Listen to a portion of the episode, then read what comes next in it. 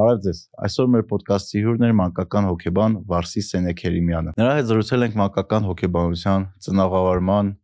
սեռական դաստիարակության, թե ինչպես են ժամանակին մեծ դաստիարակել եւ ինչ հետևանքներ դա ունի այսօրվա հասարակության վրա, դեռահասների հոկեբանական խնդիրների եւ այլ թեմաների շուրջ։ Անպայման բաժանորդագրվեք մեր ալիքին, սեղմեք լայք կոճակը եւ եթե հավանում եք այն ինչ որ մենք անում ենք, մեր ոդկասթին ֆինանսապես կարող եք աջակցել Patreon-ի միջոցով։ Շատ շնորհակալություն բոլոր մարդկանց, ովքեր դա արդեն անում են։ Մեր ոդկասթի գործընկերն է Red Invest Group անշարժույթի վաճառքի մասնագիտացված ընկերությունը։ Red Invest-ը առաքելություն ունի օգնել մարդկանց առավելագույն բազմակողմանի խորը եւ կանխատեսելի հասկանալ եւ պատկերացնել անշարժ գույքի շուկան եւ դրանում տեղ ունեցող process-ները, օգնել նրանց դրա միջոցով կայացնել իրենց կյանքի որակը լավացնող որոշումներ։ Ընկերությունը շատ բծախնդիր է նախագծերի ընտրության հարցում։ Աշխատում է Հայաստանի լավագույն կառուցապատողների հետ։ Ներկայացնում է Երևանում եւ ամբողջ Հայաստանում կառուցվող նորակառույց բնակելի եւ ներդրումային նախագծեր, որոնք կառուցվում են ճարտարապետական եւ կոնստրուկտիվ որակի ամենաբարձր ստանդարտներով։ Այս պայն ընկերությունն ունի 14 ավարտված եւ 20-ից ավելի ընթացիկ նախագծեր, որոնց կարող եք ծանոթանալ redinvest.am կայքում կամ զանգահարել 098 900 900 հեռախոսահամարով։ Մեր ոդկասթի գործընկերն է Hexact ընկերությունը, ում կողմից այսօր եւս ունենք նվեր գիրք Գաբոր Մատեի The Myth of Normal գիրքը։ Նենց որ գրեք ձեր կարծիքը, իսկ մենք գնացինք։ Վարսի ջան, բարև։ Ողջույն։ Ինչպե՞ս ես։ Լավ, դու ինչպե՞ս ես։ Լավ, մերսի շատ։ Այս ժամին ոդկասթ չենք արել։ Միշտ երեկոներն ենք անում։ Վարսի ջան, գիտեք ինչի սկսենք Երևի ավելի շատ սկսենք մեզնից, մեր սերնդից, հետո կանցնենք հիմա մենք ոնց ենք մեր երեխեքին դաստիարակում ես ինձ շատ հետաքրքիր է որպես մանկական հոկեբան օրինակ նկատել եք մեր սերնդին ինչ որ հարցերում են սխալ դաստիարակի որ այսօր ազդեցություն երևում է մեր հասարակության մեջ շատ ակնհայտ տարբերություններ կան իրականում, որովհետև մեր մեր ծնողները դեռ ժառանգություն ունեին եւ շարունակում էին հետ սովետական այդ բարքերի, կարգերի, սովորությունների պատկերացումների հիման վրա մեզ դաստիարակել, որովհետև ընդհանուր փոխվել էր, այսինքն երկու փոխվեց, մենք անկախություն էինք ապրում, բայց ծնողները դեռ իրենց այդ background-ում իրենց ստացած ծնողավարության, իրենց ապրած միջավայրի միջոցներն էին բերում մեզ մոտ եւ անընդհատ խոսքեր գնում այդ պարկեշտության։ Միշտ ես իմ օրինակով կարող եմ ասել եւ նաեւ մնացածի օրինակով էլ էի տեսնում, որ շատ կարևորվում էր երեխայի արտաքին հատկանիշները, արտաքին տեսքը դրսում ինչպեսին նա պետք է լինի եւ նաեւ մի քանի ինչ որ մտավոր process-ներ, գործոններ հաշվել իմանա։ Հա, նախ լիներ դաստիարակված, պարկեշտ, ռուսերեն այդ բառը կուլտուրական, այսինքն այս այս մաքուր շորերով, կոկիկ հագնված եւ այլն, եւ անպայման գնար որևիցե խմբակ, դաշնամուրի, մի քանի գրքեր կարդար եւ այլն եւ որևիցե առարկայում հաջողություն ունենար, որ դա պայմանավորեր իր հետագա մասնագիտական ընտրությունը թե երեխան ինչ էր ուզում, ինչ ցանկություններ ուներ իրեն։ Այո, իրեն ինչն էր հետաքրքրում, իրականում ոչ մի բան այդպես իր համար կարևոր չէր լինում եւ այս մեխանիզմով այս տարբերակով անընդհատ շփումը հաղորդակցումը գնում էր երեխաների դրանք եթե խանգարումա կարական եք ես որ դրել եմ լսում եմ ձայնը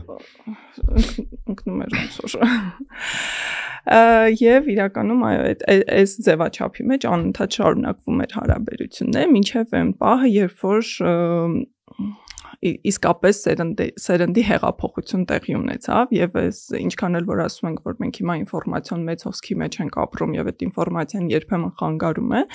բայց հիմա ինֆորմացիան շատ-շատ օգնում է որ նոր սերունդը կարողանա հասկանալ, որ դիմացինը եւս մարդ է, այսինքն երեխան, ով որ լույս աշխարհ է եկել, նա մարդ է։ Այսինքն ոչ միայն ֆիզիկական խնամքից, որ մենք պետք է տածենք երեխայի նկատմամբ, այլ նաեւ հոգեբանական որոշակի զգացողություններ, հույզեր, ապրումներ, հոգեբանության տեսանկյունից էլ մենք այդ մարդու հետ գործ ունենք անելու,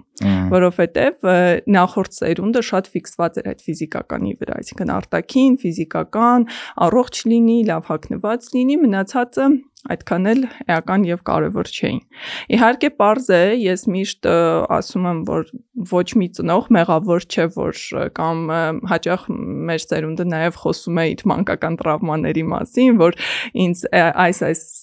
բաներին են ենթարկել, իրականում ես գտնում եմ իրենք մեղավոր չեն, որովհետեւ իրենց ժամանակաշրջանում դա է եղել, այսինքն ինֆորմացիան եւ նորման է դա։ Նորման դա է եղել, իրենք չեն ունեցել հնարավորություն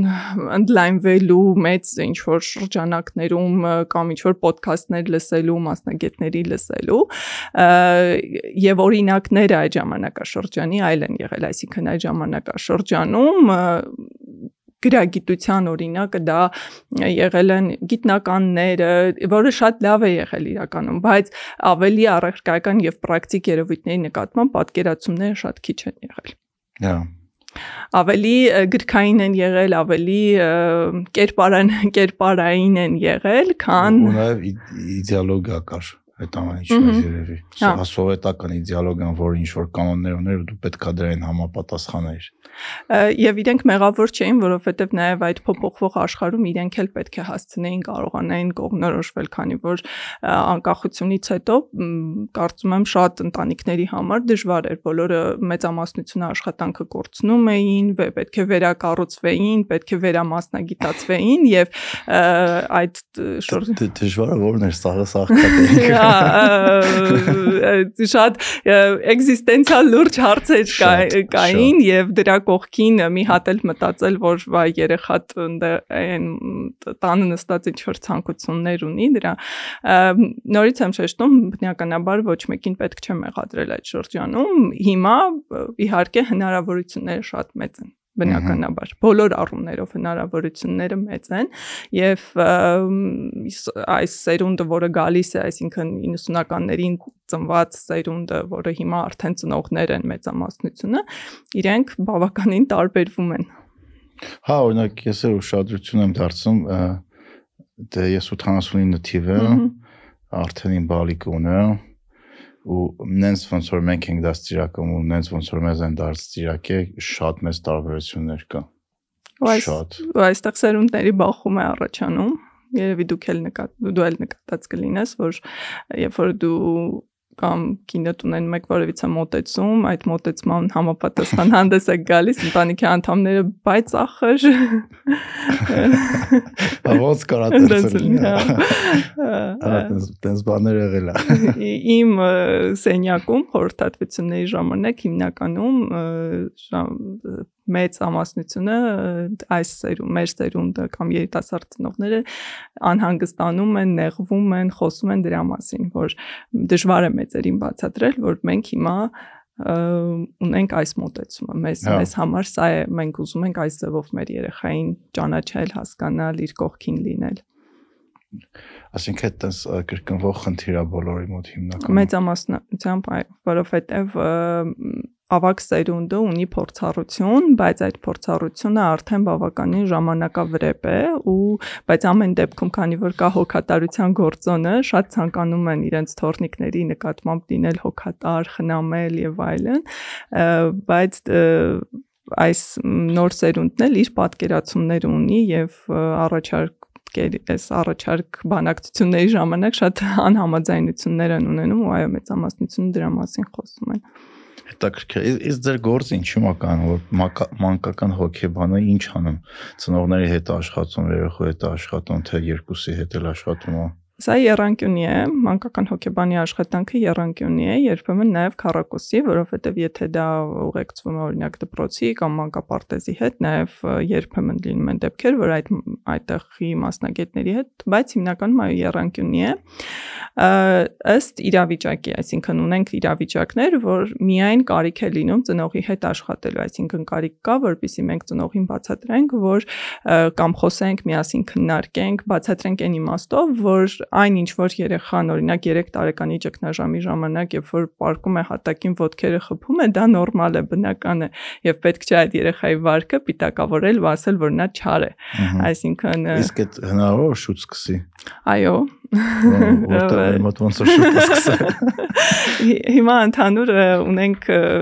անգլերենից ժառանգած Tolder հասկացողությունը, որ 1-ից 3-ի այս շրջանակը համարվում է ամենա փոթորկոտ շրջանը երեխայի կյանքում, որովհետև թվում է թե մինչև այդ երեխան ոչինչ չէր անում, իրականում այո, շատ ֆիզիկական էր իր կեցությունը, ակտիվություն ուներ, 1-ից հետո երեխաների մոտ սկսվում է հոգեբանական բուրըն զարգացումը։ Ուղեղը մի անգամից մի քանի խնդիրները փորձում լուծել։ Մենք մի քանի օր առաջ Սերգեյի հետ ման գալու ենք գնացինք հակել էր տեղին ռետուս, կրոքսեր ու ինչ որ մայկա, որտեվ ուրիշ բան չէր ուզում ինքը Okay, համի այդ ազում հակնի դրանով մանգա թող մանգա էլի, բայց օրինակ այդ այդ եմ մտածում որ ավակ սերունդի մոտ դա տենց ահա որ նո նո նո էր ոնց կարող երախեն տենց վատ հակնված դուրս կա փողոց դուրս կար ամոթ էր այո եւ մեծամասնությունը հիմնականում այսինքն լինում է աշխատանք ծնողների հետ եւ եթե արդեն մենք ունենք շատ Երեխաների դեպքում իհարկե դրան չենք հասնում, կարծրացած վարքատիպի, այսինքն ինչ որ մի բան, որ արդեն ամրապնդվել է, բայց եթե երեխայի մոտ նույն այդ կամակորությունը ձգվել, հասել է մինչև 5-6 տարեկան եւ նա դա արդեն որպես մանիպուլյացիոն գործիք է օգտագործում մեծերի հետ շփման ժամանակ, այստեղ արդեն նաեւ իր հետ էլ է պետք կարիք է լինում աշխատելու, հասկանալու ինչն է, ինչն է պատճառը իր վարքի։ Այսինքն այդ փոքր տարիքում toddler, երբ որ իրանք դեռ toddler են 1-ից 3 տարեկան, իրանք եթե տես համակարգություններ են անում, դա չի նշանակում, որ մանիպուլյացիա են անում Դեռ չեն հասկանում, չէ՞ իրենք որ մեծամասնամբ չեն չեն հասկանում, որ իրենք տեսեք հասկանում են ըստ մեծահասակի արձագանքի, այսինքն եթե մեծահասակի արձագանքը այդտեղ լինում է բուրոն, այսպես շատ սահմանափակող, այս այս շրջանում իրենք չեն սիրում այդ անիմաստ սահմանափակումները։ Մենք երբեմն նկատած կլինես, որ անընդհատ մի արա ձեռք մի տուր, մի մի քայլի, մի վազի, այս մի միները կամ չէ չեները, իրենց մոտ սա առաջացնում է հակազդում, այսինքն ինչ ինչքան որ մեծ ահասակը ասում է որ չէ ուրեմն սա շատ կարևոր մի բան է ես պետք է փորձեմ ես եւ դա այս շրջանի պահանջն է բայց երբ որ արդեն ամեն ինչից որոշակի պատկերացում, գաղափար, ցանկություն իրենք իրենց բոլոր ցանկությունները բավարարված են լինում հետաքրքրությունները եւս իրենք արդեն դա հասկանում են որ այ ես սա հիմա կանեմ ու մաման կամ papan կպտտվեն կբարկանան ուշադրություն կդարձնեն կգան ամեն ինչ կթողնեն ինձ կնայեն այսինքն կամ կլինի այնպես ինչպես որ ես եմ ուզում հա։ ու ժամանակակից ծնողավարության մեջ շատ կարևորվում է այս սահմանների հաստատումը երեխայի հետ եւ երբեմն երբ որ ես դրա մասին խոսում եմ, թվում է թե մտածում եմ, որ դա այն, ասենք ինչ որ ինձ մոտիկ չգաս վիճակն է, չէ, իրականում սահմանները նրա մասին են, որ ես քեզ հնարավորություն տալիս եմ, որ դու, ասենք 5-6 տարեկան երեխայի մասին է խոսքը, որ դու ինքնադրսևորվես, ինքնարտահայտվես, քո կամքը ունենաս, ազատ լինես, բայց օրինակ ես չեմ հանդուրժի, որ մի բանը եթե ես քեզ օգնել եմ այդ հարցում, դու արդեն դա որպես մանիպուլյացիոն գործիք իմ դեմ օգտագործես կամ օրինակ ծնողներին հաճախ խորհուրդ է տրվում, որ խանութ գնալուց առաջ միասին պայմանավորվել, թե քանի բան եք դուք պատրաստվում երեխայի համար գնել, որովհետև այդ քաոսի մեջ երեխան կարող է շատ տարբեր բաներ ուզենալ, շատ տարբեր։ Ու դա աշխատում է, օրինակ չգիտե որ դա տենց պետք է անել։ Սերգեյի հետ իմ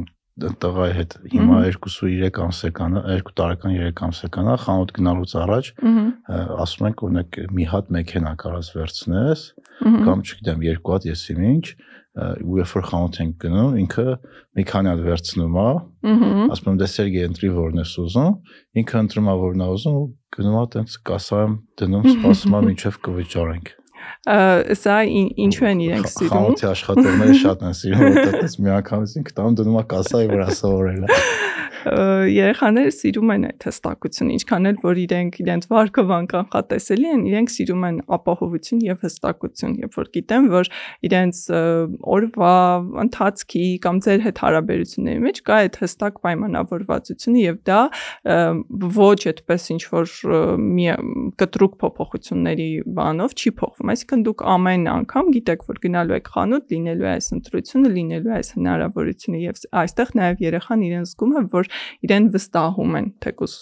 երկու հա, տարեկանում։ Հենց հետաքրքիր անգամ երկու տարեկանում իրանք դա տեսնում են ու զգում են։ Երբ որ դու հետ խոսում ես, բացատրում ես ու վստահում ես իր ընտրությանը, իրանք դա գնահատում են։ Ես ես չէի պատկերացնում, որ տենց փոքր տարեկից երեխեք այդ ամեն ինչը հասկանում են որովհետև իրենք այս փուլում ցանկանում են մեզանից արդեն անկախանալ ազատ լինի։ Արդեն այդ փուլը։ Այո, որովհետև 3-ի ճգնաժամը դրան է միտված, որ իր եսը ձևավորվում է, արդեն բառա իր բառային մակարդակում էլ դու դու կտեսնես, որ եթե երրորդ դեմքով էր խոսում, քիչ-քիչ արդեն գալիս է դեպի եսի։ Yes, yes, yes, այսինքն, բայց մյուս կողմից էլ հասկանում է, որ օրինակ վարկում էլ երբեմն նկատելի է որ ինչ որ մի քանի քայլ անում են ու պատտվում են նայում են չէ հա։ իրենք դրանով ստուգում են որ դուք իր հետ եք դուք իրեն մենակ չեք թողնում բայց շատ մեծ ցանկություն ունի երեխան ազատ լինելու ազատ դրսևորվելու եւ հատկապես այս փուլում որոշում կայացնելու ինչու են իրենք սիրում հա որ կարող են որոշում կայացնել կարող են իրենք որոշել մեքենան է ուզում թե ինքնաթիռը հա հա Եվ հիմնականում հոգեբանի աշխատանքը այս շրջանակներում է լինում։ Իհարկե հիմա բավականին կարող եմ ասել, որ մեր հասարակությունում եւ մեր մասնագիտական շրջանակում որակյալ մասնագետներ կան, բավականին մեծ աշխատանք է կատարվում եւ մենք այսպես անտեսանելի համայնք կա հոգեբանների, որ թե մեծահասակների եւ թե երեխաների, ովքեր փորձում են իսկապես նախ այդ գրագիտությունը ապահովել, այսինքն տալ ինֆորմացիա ծնողներին, սոցցանցերի միջոցով, ոդքասթերի, տարբեր հաղորդումների միջոցով եւ նաև աշխատել երեխաների հետ, որպեսզի ունենանք բարեկեցիկ հասարակություն։ Հա։ Այդ կարևոր է։ Այդ թեման գնալով սկսում է քննարկվի համ մեծերի հոգեբանության մասին, համ փոքրերի։ Ու Չգիտեմ, ինձ թվում է մենք մեր հասարակության մեջ լիքը հոգեբանական խնդիրներ ունենք ու շատ խնդիրներ հենց դրանից է գալիս։ Մեր ոչ առողջ էգոից ինչ որ չափով դաստիարակությունից, հասարակական նորմերից, որը վերում է ինչ որ մի հատ վատ տոքսիկ միջավայրի, որտեղ մարդիկ փորձում են շատ սխալ ձևով կայանան ու դա իրանց վրա ավելի վատ ազդեցություն է ունենում։ Ահա որովհետև շատ երկար ժամանակ անընդհատ խրախուսվում էր եւ քարոզվում էր նույն հերոստատեսության սերիալների օրինակ միջոցով, որ ինչ որ անհասկանալի կերպարներն են կարևոր կամ քո անձնա կարևոր, բայց ոչ ճիշտ կողմից, այսինքն ինչ որ մեկի մեն իշխանությունը, ինչ որ մեկի ցանկություններն էին ավելի հա։ կարևոր, ինչ որ բռնակալի, բռնարարի այսպես ցանկություններն էին կարևոր, քան առողջ հարաբերությունները կամ առողջ օրինակ կոնֆլիկտը, առողջ շփումը, նման բաները չէր ցուցադրվում, չէր ներկայացվում։ Դե, դե մեր, մեր սերիալները մարդիկ կամ տարապում են, կամ գոռում, կամ գորալով տարապում են։ Եվ նույնը դա իհարկե բնականաբար փոխանցվում է հասարակության մեջ եւ մենք հիմա էլ հաճախ տեսնում ենք, որ առողջ հարաբերությունները չի խրախուսվում, այսինքն մարդիկ անընդհատ խոսում են, քննարկում են, պատմում են նրա մասին, որ իրենց կյանքը ինչքան դժվար է եւ դա նույնի երեխաներն են տեսնում։ Իսկ առողջ հարաբերություն ասելով ինչ եք հասկանում ընտանիքի մակարդակում, երբ որ բոլորը փորձում են հա, համահավասար լինել, միմյանց օգնել, աջակցել, նույն սա էլ կարող եմ ասել, որ մենք հիմա ունենք բավականին մեծ տենդենց, որ հայրիկները ներգրաված են երեխաների կյանքում։ Օրինակ իմ սերնդի եւ կարծում եմ նաեւ քո սերնդի դեպքում երեխայի խնամքի մեծ տոկոսը կազմել է եւ դրանով զբաղվել է մայրը։ Իսկ հիմա շատ հաճախ կարելի կարելի է տեսնել, որ սայլակով նույն հայրիկը զբոսնում է երեխայի հետ, կարելի է տեսնել, որ ինչ որ հարցերում խնամքի հետ կապված մասնակցում է եւ նաեւ կան դեպքեր, որ օրինակ ունեն հստակ պայմանավորվածություն, որ 50-50 կիսում են այս Հա, կա այդ տենդենսը, բայց ինձ թվում է դեռ մեկը քիչ շարունակ ես տղայիս հետ շատ եմ գնում զբոսնելու կամ, չգիտեմ, սամակատ քշելու, ինքնագլոր։ Ինքնագլոր, հա, տենց են ասում։ Ու հիմնականում մեկը շրջապատված է մամաներով դա էլ է բացատրվում ինչ որ բանով, որ կամ ռուս պապաներով։ Բայց ինչ որ ձևով փոփոխություն կա այդ իմաստով իմաստով Մի քանի տարի առաջ եթե նո այն ժամանակ ը, աղբորս աղջիկա հետ կարող է ինչ որտեղ գնայինք հիմնական մամաներ էին, հիմա արդեն պապաների պոպուլյացիա կա։ Եվ դա բերում է այդ առողջ ընկալմանը, բերերի բաշխմանը եւ երեխանել է դա տեսնում եւ իր համար էլ է ընդունելի դառնում, որ նաեւ ինչու է սա կարեւոր, որ երեխայի համար կա, այսպես ասած, վստահելի մեծահասակ հասկացողությունը։ Դա ապացուցված այսպես ուսումնասիրված երևույթ է, որ բացի մայրիկից երեխան կարող է ունենալ այլ մեծահասակի հետ վստահելի հարաբերություններ, այսինքն ը, լավ ժամանակ անցկացնել, նրան վստահել, խոսել, Բողոքել։ բողոքել, Ահա։ այո, եւ սա եւս գալիս է վաղ մանկությունից։ Եվ իհարկե շատ ցանկալի է, որ դա նաեւ լինի լինի հայրիկ, այսինքն ոչ մի, ոչ միայն երեխան դա մոր կերպարի հետ ասոցացած լինի, այլ նաև հոր։ Եվ այդ հարաբերությունների առողջությունը շատ հետագայում շատ այլ հոգեբանական խնդիրներ կարող է լուծել, որովհետև մենք ունենք ը, մեծամասնություն օրինակ երեխաների խնդիրների վերաբերվում են տագնապներին։ Այսինքն հաճախ տագնապներ, վախեր, կրկնվող ինչ որ գործողություններ, անհանգստություններ, որ երեխան առաջին օրվանից անդադ տեսել է մայրիկին, մայրիկի խնամքը, մայրիկի հոգատարությունը եւ այդ սեպարացիան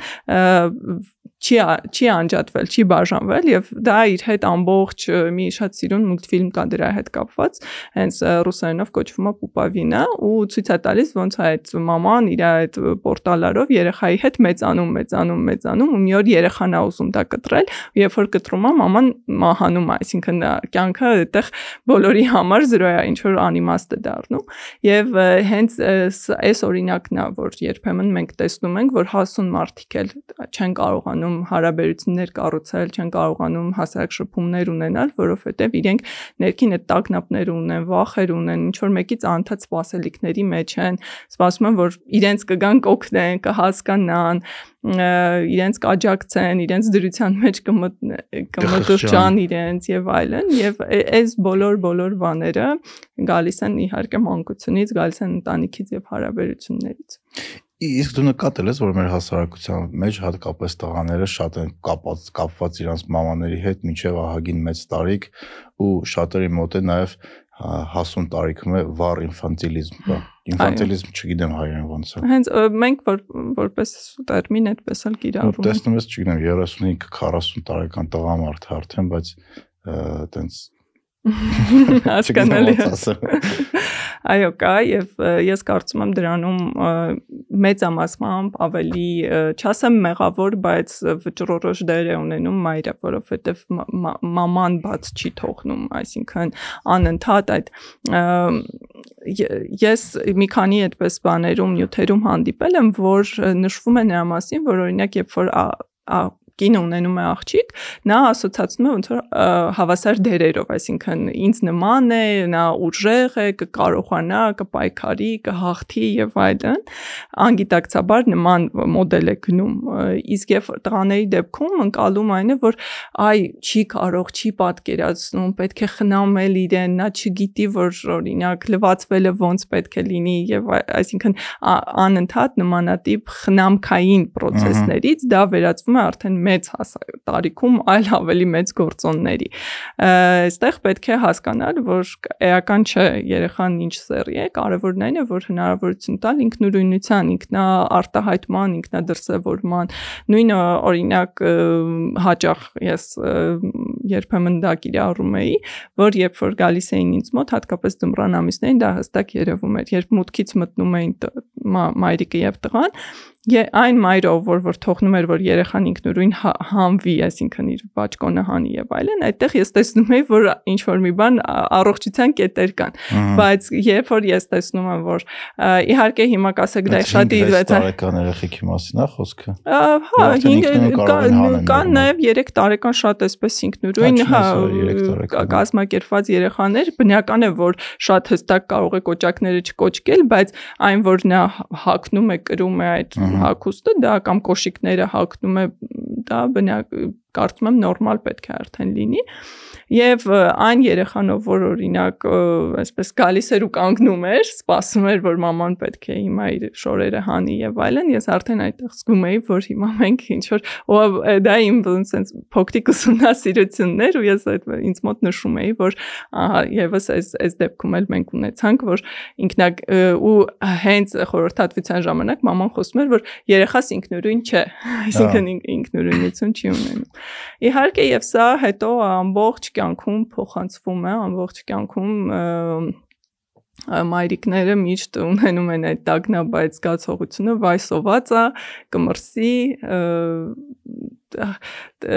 հանգիստ չի լինի եւ այլն եւ այդ անընդհատ դա փաթաթում, փաթաթում են եւ չեն չեն պատկերացնում, որ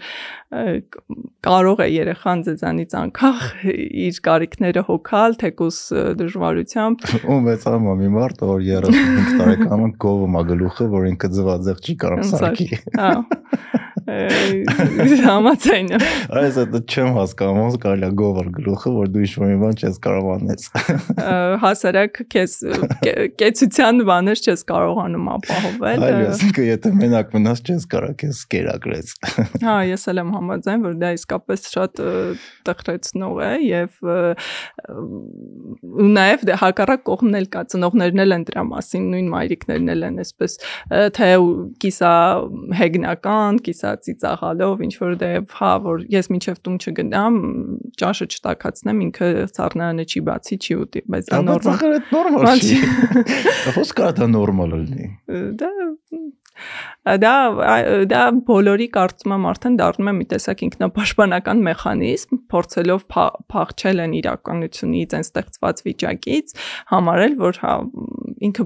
նույն այդ մարդուն, այդ երիտասարդին կարող են ասել, դե ինքը մի քիչ բարդ է, իր հետ դժվար է եւ այլն, այսինքն կամ բծախնդիր է, այսինքն այս ամեն ինչը փաթաթել ինչ որ պիտակների ներքո, բայց չփորձել դրա տակ հասկանալ գլոբալ մեծ խնդիրները այսինքն տեղի բծախնդրությունը ո՞րն է, եթե դու չես կարող կարիքները հոգաս։ Կա հնարավոր է օրինակ ուտելիքը տակածնի եւ վառի ու չուտի իր վառած ուտելիքը, ինչ որ նմանատիպ բացատրություններ կամ բանջարեղենը լավ չլվանա եւ այլն մի խոսքով։ Սալմանելա անգլի, հա։ Չնայած բանջարեղենից սալմանելա չեն ընկնում աստերիտներ կարա բռնի վատ հասկացա։ Իսկ իսկ այսօրվա մեր հասարակությանը որ նայում եք, հետևում եք, ամենավառ այդ արտված խնդիրները որոնք են, որ էլի գալիս է մեր սխալ դաստիարակությունից։ Երեխաների էմոցիաները չընդունելը։ Այսինքն երբ որ երեխան ինչ որ էմոցիա է ունենում, նույն փոքր շրջանից սկսած մինչև մեծ հա արժեզրկում է գնում անընդհատ էմոցիաների այսինքն մի լացի այդ ինչա որ դու դրան համար լացում ես կանցնի հնարավոր է այդ պահին ծնողը ցանկանում է ինչ-որ ձևով օգնել կամ ինչ-որ աջակցություն, բայց առաջին արձագանքը շատ հաճախ ես նկատում եմ էմոցիաների արժեզրկումը, որ դա ընդհանրապես կարևոր բան չի։ Բայց մեծերից մեծերից մոդելա չէ՞ տենց։ Օրինակ մենք մի հատ խմբակ էինք տանում տղուս այդ խմբակի ղեկավարը երեխեքով զբաղվում էր, ու չասեմ ինչ խմբակ էր ու ինչ էր,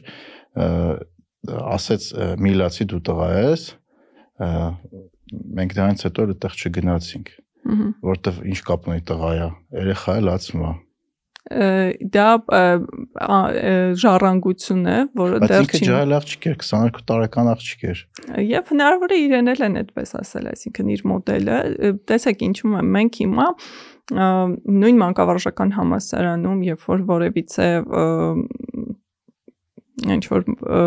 ինչ որ մի բանի ուսուցիչ են դա սովորում որ լինեն,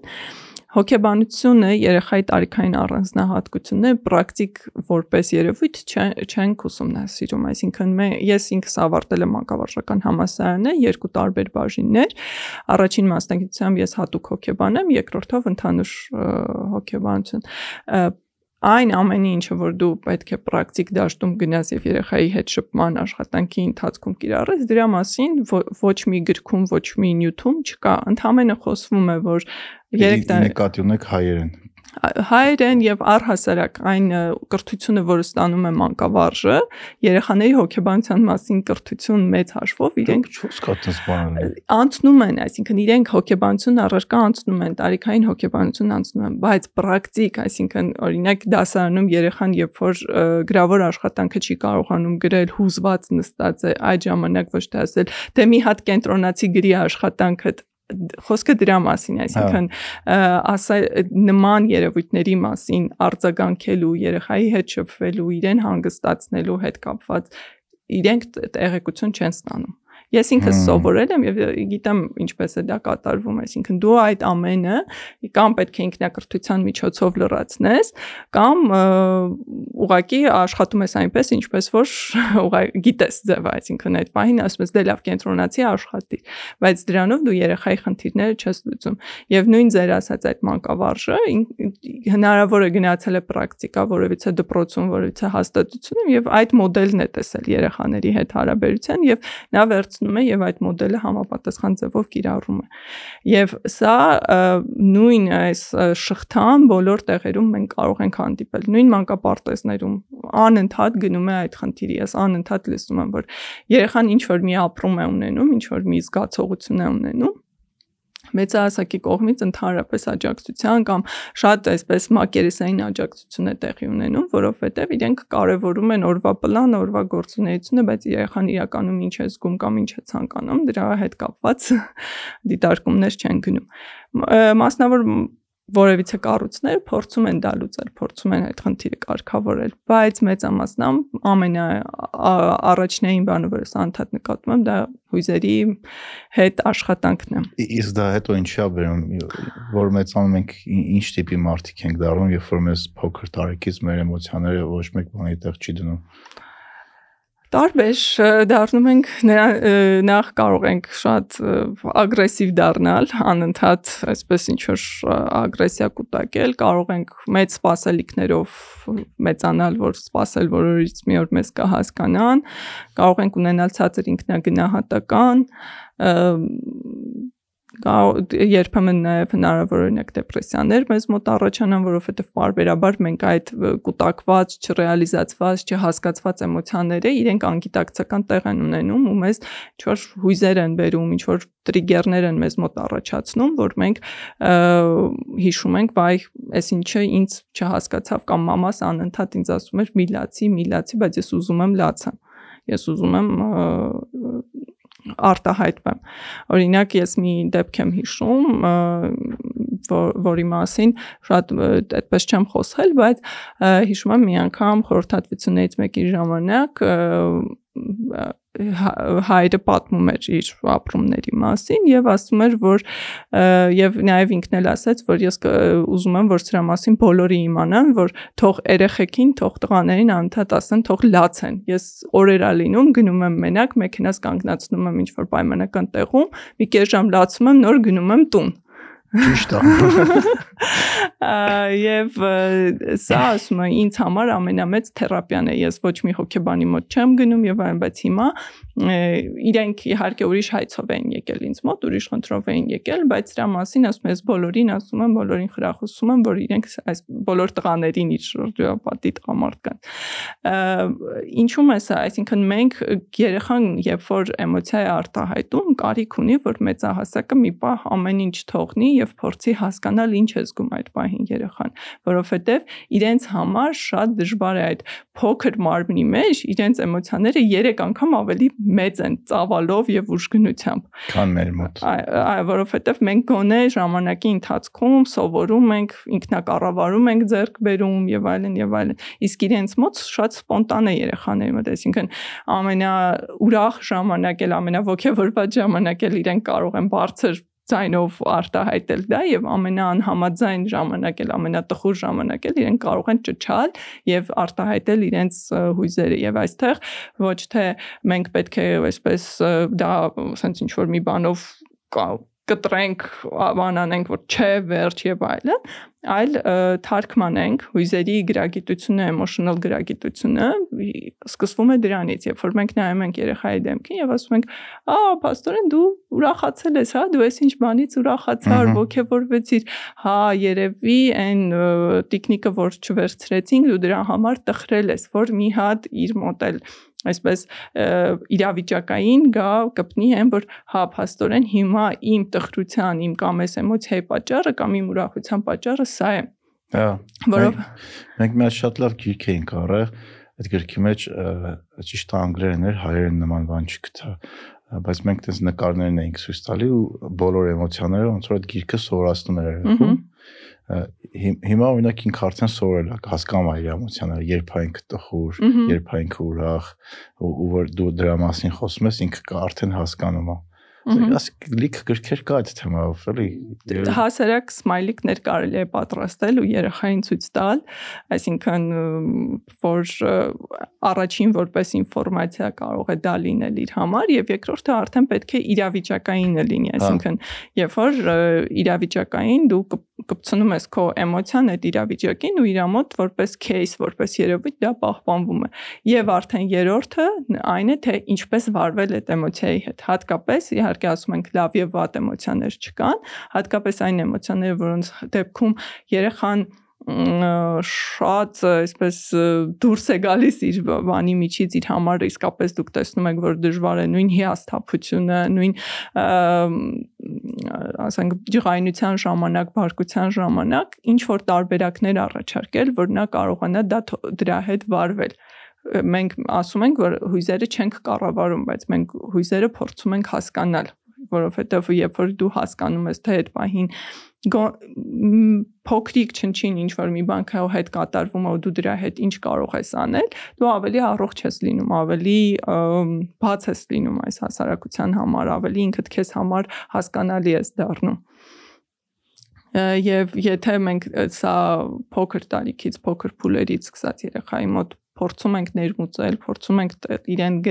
գրագետ դարձնել այս առումով, մենք հետո ունենում ենք նաև առողջ հարաբերություններ իր հետ, այսինքն երեխան գալիս է դեռահասության տարիքում կամ այլ փուլերում կարողանում է հասկանալ, որ հիմա իր հետ կատարվող այս ամենը նորմալ է, այսինքն այս հույզերի տատանումները բնական են, որ կամ նույն օրինակ այդ հույզերի տատանման ժամանակ հնարավորություն ունի գնալու ուղակի իր սենյակում փակվելու եւ երաշտություն լսելու հա։ եւ այլն, այսինքն ունի մեխանիզմներ, որոնցով որ հաղթահարում է։ Իսկ այդ երեխեքի հույզերի հետ աշխատելը, գնահատելը, խոսել դրա մասին, այդ էմոցիաների բացական էֆեկտներ ունի օրինակ ինչ որ հարամյակների ընթացքում ինչ որ դաստիարակության տրադիցիաները չէ եկե ու մեր մեր ծնողները մեր ծնողների ծնողները որ դրանով այդ այդ մեթոդներով աշխատել է հիմա փոխվել է արդյոք մենք համոզված ենք որ այս մեթոդաբանությունը որ մենք օգտագործում ենք այդ ճիշտ է թե չէ ես միշտ սիրում եմ ասել որ ցանկացած մարդ բնականաբար ինդիվիդուալ է, այսինքն դուք կարող եք հիմա վերցնել 5 երեխայի հետ այս մեթոդաբանությունը կիրառել, 4 5-ից 4-ի դեպքում մոտավորապես ասենք կունենանք դրական արդյունքներ, դրական փոփոխություններ, այն մյուսի մոտ ընդհանրապես ինչ որ մի բան չի փոփոխություն չի լինի եւ իրեն իր համար ընդհանրապես արդյունավետ չի լինի։ Բնականաբար սա ամեն դեպքում պետք է հասկանալ, որ այն ինչ որ կիրառում ենք շատ անհատական է եւ համոզված լինել, որ սա հաջողության կբերի կամ արդյունավետության, ճունենք այդ երաշխիքը հոգեբանությունը այդ առումով այն այն գիտությունն է, որ վերջնական եւ ամբողջական արդյունքի մասին մեզ չի ասում հետևանքներ կարող է ունենալ։ Այս փուլում մենք կարող է տեսնենք, որ արդյունավետ չեղավ, բայց 1 տարի անց, 2 տարի անց հնարավոր է ինքը հիշի այդ ամենը, ինչ որ իրեն առաջարկել են եւ այլն, եւ սկսի դա կիրառել եւ այլ այլ ձևով կիրառել եւ այլ այլ ձևով իր համար ունենա արդյունավետություն։ Անգլերեն մի հատ տես տերմին կա կոչվում է overnourished, հայերեն չգիտեմ ոնց կարելի է այդ ասել որ չափից դուրս ես մի քիչ։ Հա, հասկանալի է։ Երեխու հետ զբաղվում։ Ես կարծում եմ, որ երբեմն նաև հարցնում են օրինակ որ ես իր հետ օրվա ընթացքում 2 ժամ եմ անցկացնում այդ շատ է թե քիչ է ժամանակը էական չի որակն է էական որովհետև մենք տեսնում ենք որ մենք կարող ենք նստել երեխայի կողքին բայց լինել հեռախոսի մեջ կամ հեռախոսով խոսել կամ ցանկացած այլ բան երեխաների համար կարևորն այն է որ մենք այստեղ եւ հիմա իրենց կողքին ենք էական չի թե մենք օրվա քանի ժամն ենք իր իր հետ կիրառում այդ որ պատմեցի կա դեպքի հիշեցի 4 օր առաջ է տեղ ունեցեք հասկանում Սերգեյի այդ սավակատ է քշում ու լսում եմ մի հատ մամա գոռում է երախո վրա երբ 3 տարեկան է չկար այդ երախին ասում է իմ ասածը քո համար պետք է օրեն քլնի ես որ ասում եմ ուրեմն տես պետք է լինի ու բուկվալ այդ վայր մի ուշ մաման է երախո վրա գոռում է դե գնա գնա ավտոյի տականգի ես ինչա կատարվում էլի այդ այդ այդ հիշեցի որ ահա ժամանակ են անցկացնում երեխու հետ, բայց ավելի շատ երեխու հետ կռիվա ու ինձ նես նես թվաց կարող սխալ թվաց սաղից հետ է տես բաներ ելնում այլի ծնող ծնողությունը այդպես շատ դժվար ու փնթի process է ոնց հասկանում եմ բայց այդ այդ ծնողները իմ նես տպարություն էր որ այդ երեխու երեխեքի վրա ոնց որ փորձեին ինքնահաստատվեին ինչ որ բան իրանց ոնց որ պակասում էր ու այդ երեխու հետ փորձում էին լրացնեին, էլի, բայց լավ առումով չէ։ Այսինքն եթե ես ասեցի, sense պետք է լինի, ու վсё։ Այսինքն բայց ոնց կա տենց լինել, էլի, չգիտեմ շատ մի ցավոտ երևույթ ունենք, քանի որ նախորդ թեմայից էլ ելնելով, որ Հիմա ինչն է խնդիրը մեր հասարակության մեջ մայրիկները շատ ներգրաված են երեխաների կյանքում նույնիսկ աշխատող մայրիկները իրենք շատ ներգրաված են ու կնոջ համար երբեմն մեծ դժվարություն է լինում իր տարբեր հույզերի զգացողությունների ֆիզիոլոգիական, հորմոնալ եւ այլն այս ամեն ինչի ներքո նաեւ ծնողավարության այդ դերը մամայությունը իրականացնելը։ Եվ հաճախ նույն էլի խորհրդատվությունների ժամանակ ես հասկանում եմ, որ մայրիկի բարկությունը կամ անհանգստությունը ընդհանրապես ուրիշ տեղում է, ընդհանրապես ուրիշ խնդրի մասին, հա։ այսինքն այդ պահին, երբ որ երեխան երեխայի վրա մաման գոռում է, որ իմ ասածը պիտի լինի, նա հնարավոր է այդ նույն խոսքերը օրինակ ցանկացել է ասել իր ամուսնուն կամ չգիտեմ իր աշխատավայրում ինչ որ մեկին, այսինքն իր շեֆին եւ այլն։ Այսինքն հենց կոնկրետ մամաների համար երբեմն իսկապես դժվար է հասկանալ։ Իսկ papaների Մամաները շեշտեցիք, բայց եւ papaների մոտ էլ է տենց։ Papaների մոտ տեսեք, քանի որ մտածողության մենք տարբեր տարբերություններ ունենք ակնհայտ, այսինքն նաեւ էմոցիոնալ առումով էլ հաճախ տղամարդիկ տարբերվում են իրենց էմոցիաներից կանանց մոտ այդ երեխային ինքնա խնամքի պաշտպանելու հոգատարության այս բանը շատ ցայտուն է ու ակնհայտ, այսինքն մի անգամից նետվել փրկելու գործոնը շատ շատ ակնհայտ է։ Իսկ տղամարդկանց մոտ ավելի ռացիոնալիզմն է գործում, որ հələ սպասեմ, տեսնեմ ինչ է անում, այսինքն նույն եթե հարցնում ենք, ասենք, իրավիճակ է լինում, հայրիկը ոնց է արձագանքում, ասում է, դե մեկ մեկ ինքը կսպասում իր հետ հանգիստ է խոսում, բացատրում է իրան, օրինակ օրինակ ասում եմ, եթե 10-ից 10 դեպքից քանի անգամը կարող է հայրիկը բարկանալ, ասում է 10-ից օրինակ երկուսի դեպքում կամ երեքի դեպքում դա նշանակում է որ համբերատարության, սпасելու, աջակցելու, օգնելու առումով հայրիկները մի փոքր ավելի և, դիմացկուն են, հա։ Դիմացկուն են։ Դե դա նաև պայմանավորված է նրանով, որ երեխաները դերերը տարբեր կերպ են ընկալում, այսինքն մամային ուրիշ դերից են ընկալում, հայրիկին ուրիշ դերից են ընկալում եւ նաև ժամանցի հոգատարության, այսինքն խնամքի դերերն են իրենք այլ կերպ ընկալում։ Շատ շատ նկատել են, որ հայրիկներին շատ չեն բողոքում կամ չեն նվնվում, չեն իսկ մայրիկների մոտ ավելի տենց ազատ են երեխեքը։ Ահա, որովհետև դա էլի ունի իր բնական բնության ոնց որ կանոններից ելնելով եւ նաեւ է պատճառը դա դրա համար հայրիկները շատ չեն ջողանան, որովհետև շատ չեն ջողանացնում հայրիկները։ Կամ շատ չեն տեսնում կամ բայց կարծում եմ ցանկացած իրավիճակում էլ կարող է երեխան այնպեսի վարքագիծ ցուցաբերել, որ ամեն դեպքում հայրիկը կարիք ունենա ինչ որ իր էմոցիաները ցույց տալու կամ սահմանները հաստատելու։ Եվ մամաների դեպքում այո դժվարությունները ավելի շատ են եւ նաեւ մյուս խնդիրն էլ կա, որ էլի այսպես ժառանգություն որպես մնացած նաեւ հաճախ ասվում է, որ աղջկա համար, կնոջ համար ամենա այսպես կայացվածության կետը այն է, երբ որ նա ամուսնանում է, երեխա է ունենում, ընտանիք է կազմում, այսինքն կրթությունը, ինքնահաստատվում, կարիերան, օրինակ մեր հասարակության մեջ վերջին տարիներին մի փոքր վերանայվել է, բայց շատ հաճախ ավելի ռոպագանդվում է այն, որ քո դերը, քո ֆունկցիան այս աշխարհում ավելի շատ լինել մայր, ընտանիքի կին եւ այլն։ Դա հա դեռ մեր հասարակություն։ Չնայած հա տենց ախի չի տենց։ Դե եթե Երևանի մակարդակում մի քիչ կա փոփոխություն, ես քանի որ մարզերում եմ աշխատել եւ նաեւ ինքս եմ մարզից, կարող եմ ասել, որ ավելի շեշտադրությունը գնում է այդ դերի վրա, այսինքն հնարավոր է դու օրինակ որևիցե կազմակերպությունում ինչ որ կամպանիայում մենեջեր լինես, բայց եթե դու չես ամուսնացել եւ երեխաներ չունես, քո այդ բոլոր բաները, ձեռքբերումները համարվեն զրոյական քո բարեկամների աչքերում։ Հակառակը խանգարող ֆակտոր։ Եւ սա որ աշխատում ես գնա երեխա ունեցիք։ Եվ եւ դա էլ բերում է նրան, որ նույն այդ մաման հնարավոր է մեծ ցանկություն ուներ այդ պահին գնալու ինչ որ միտեղ ինչ որ մի բան անելու, ինքնարեալիզացվելու, այսինքն անելու մի բան, որը իր համար այդ այդ տարիքային փուլում ավելի ցանկալի էր, ավելի իրեն շատ էներգիա կտար, էմոցիաներ կտար, ցանկություններ կտար աշխարհը ճանաչելու, քան հիմա լինել 3 տարեկան կամ 4 տարեկան երեխայի հետ եւ ասել, որ դու պետք է խելոք նստես կողքիս։ Հմ հիմնականում նաև դա, դա դրանից է գալիս, որ երբ որ մամայությունը մի փոքր գիտակցված չի լինում։ Ընդհանու ընդհանուր առմամբ մեր իրականության մեջ մի անգամ մեկը գրել էր, ինչու օրինակ մեքենա վարելու համար հանձնում են քննություն, համասարան ընդունվելու համար հանձնում են քննություն, բայց ծնող դառնալու համար մեզ այդպես ինչ որ ստուգիչ բաներ չկան։ Եվ իրականում կարծում եմ շատ ստուգիչ չէ, բայց ամեն դեպքում մենք մենք մեր հասարակության մեջ կարծում եմ լավ կլինի, որ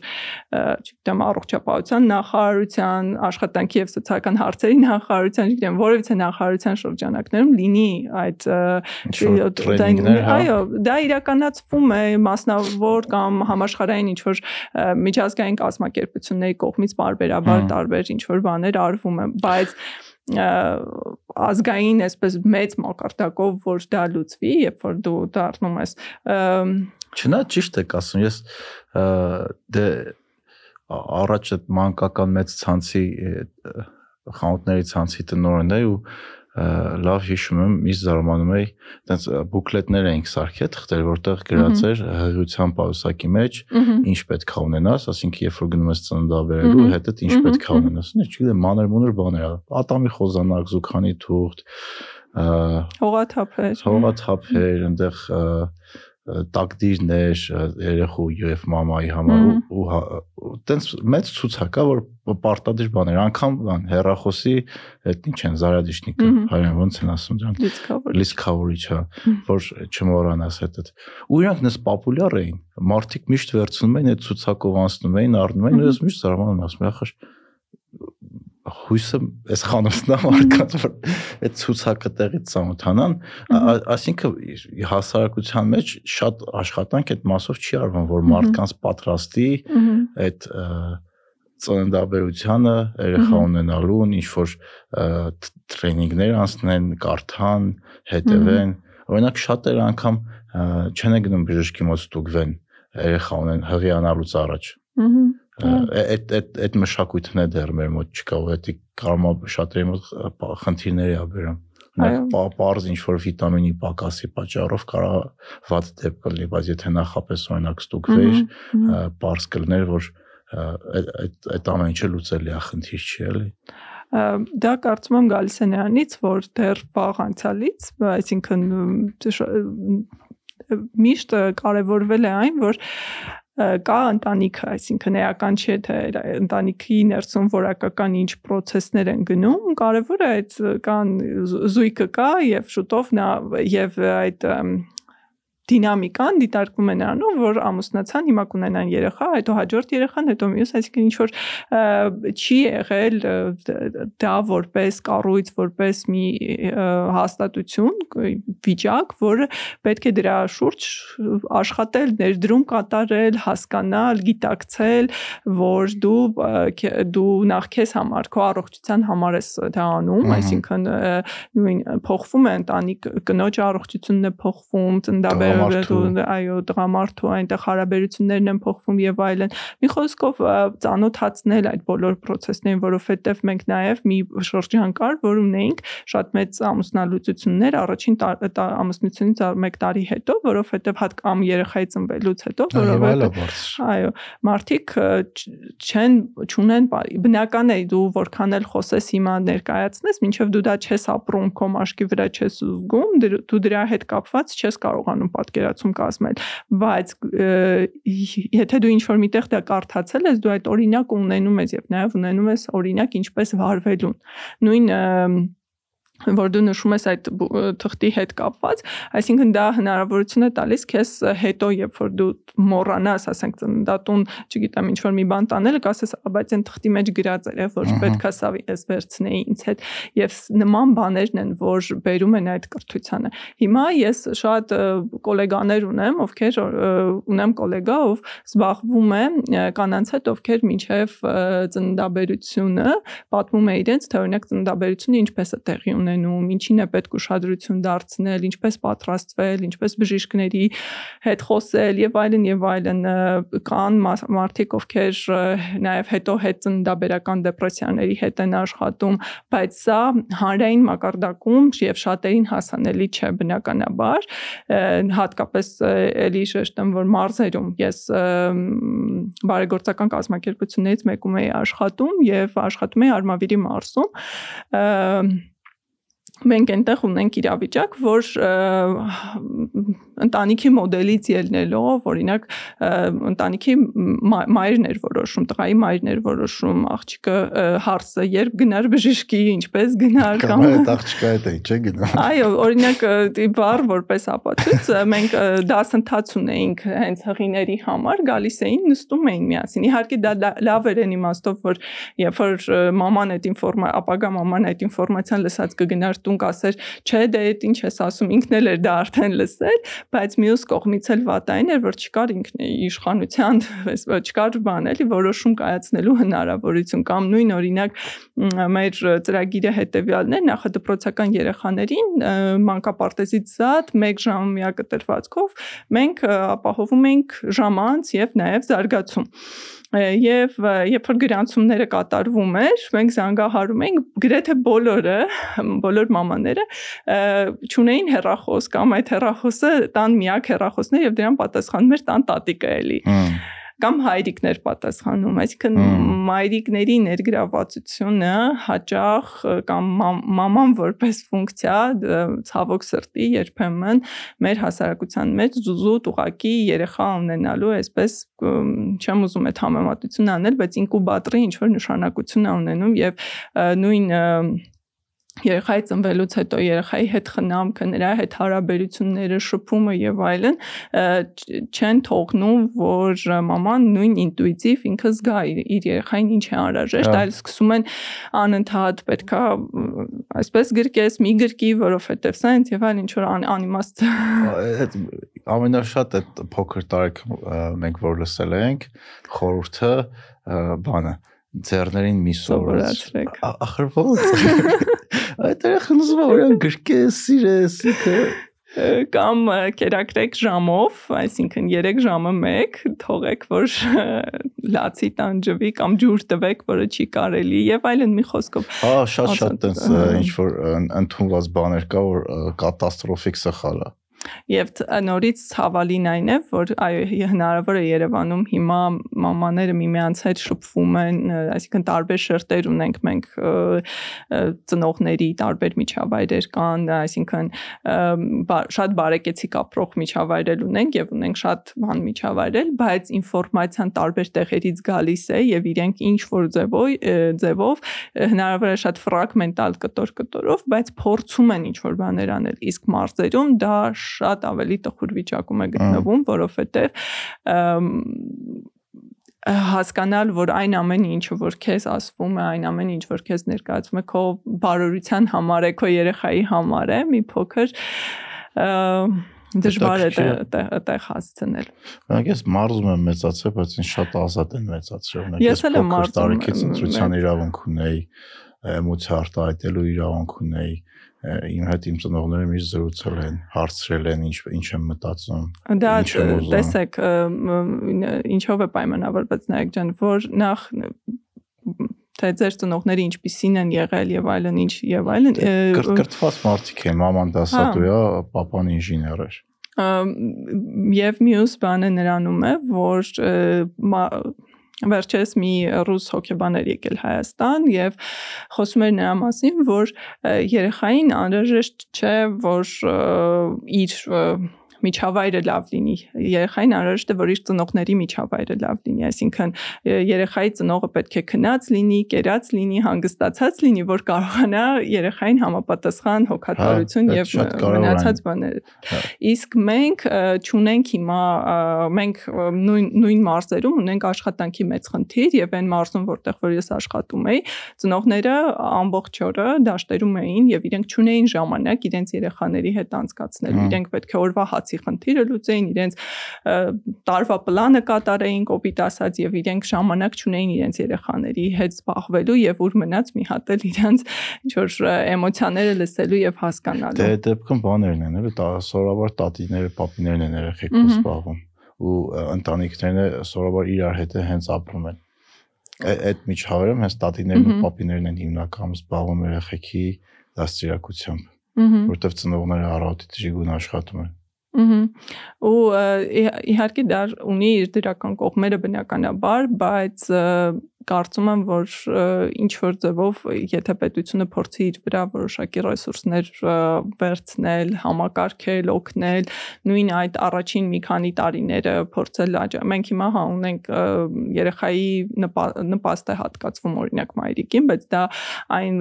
գումարը չէ, որով որ մեկ ամիս կարելի է, չգիտեմ, ամբողջությամբ ապահովել։ 10 քանի հազար դրամ չի։ Չէ, հիմա բավականին բարձրացել է եւ կա նաեւ տարբերություն 63000 դրամ ստանում են գյուղաբնակ ծնողները, կարծեմ 50 քանի հազար ստանում են Երևանաբնակ ծնող չաշխատող մամաները։ բայց բնականաբար դա ամբողջությամբ չի ծածկում եւ չի փակում այն բոլոր դժվարությունները, որոնք հերիքա մոտարապես տակդիրների համար։ Հա, ես էլ եի հաշվել։ Մնաց ընդի հարցերը։ Այո։ Եվ այս բոլոր բոլոր դժվարությունները բերում են նրան, որ ունեն մենք տարբեր իրավիճակներ, տարբեր process-ներ։ Բայց ախր այդ միջավայրից է լիքը նորմալ մարդիկ են մեծանում։ ես դա էլ էի ուզում ասել, որ չստացվի այնպես, որ միայն վատ վատն է լինում միշտ հետաքրքիր է այդ բանը որ կապ չունի ինչ միջավայրը մենք մեծացել բոլորս կամ մեզ ոնց են դաստիարակել մեկ այդ միջավայրը լավ արդյունքներ տալիս է միշտ չի որ շատ լավ է հակառակն է լավն օրինակ մատ լավ է թվերը կարող է սխալ ասեմ ավելի լավ չասեմ Ես ուղղակի ուզում եի ասել, որ հա բնականաբար ամեն մեկը իր ստացած այդ բեքգրաունդի հիման վրա զարգանում է, այսինքն նույն մենք շատ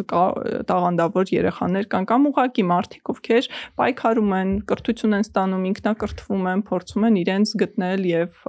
իրենց մասնագիտություն ունենալ, այսինքն նույն էլի մարզերում բնակվելով, այնտեղ ապրելով, իհարկե հետո կրթության բանով գալիս են Երևան եւ այդպես բացվում է իրենց բանը, բայց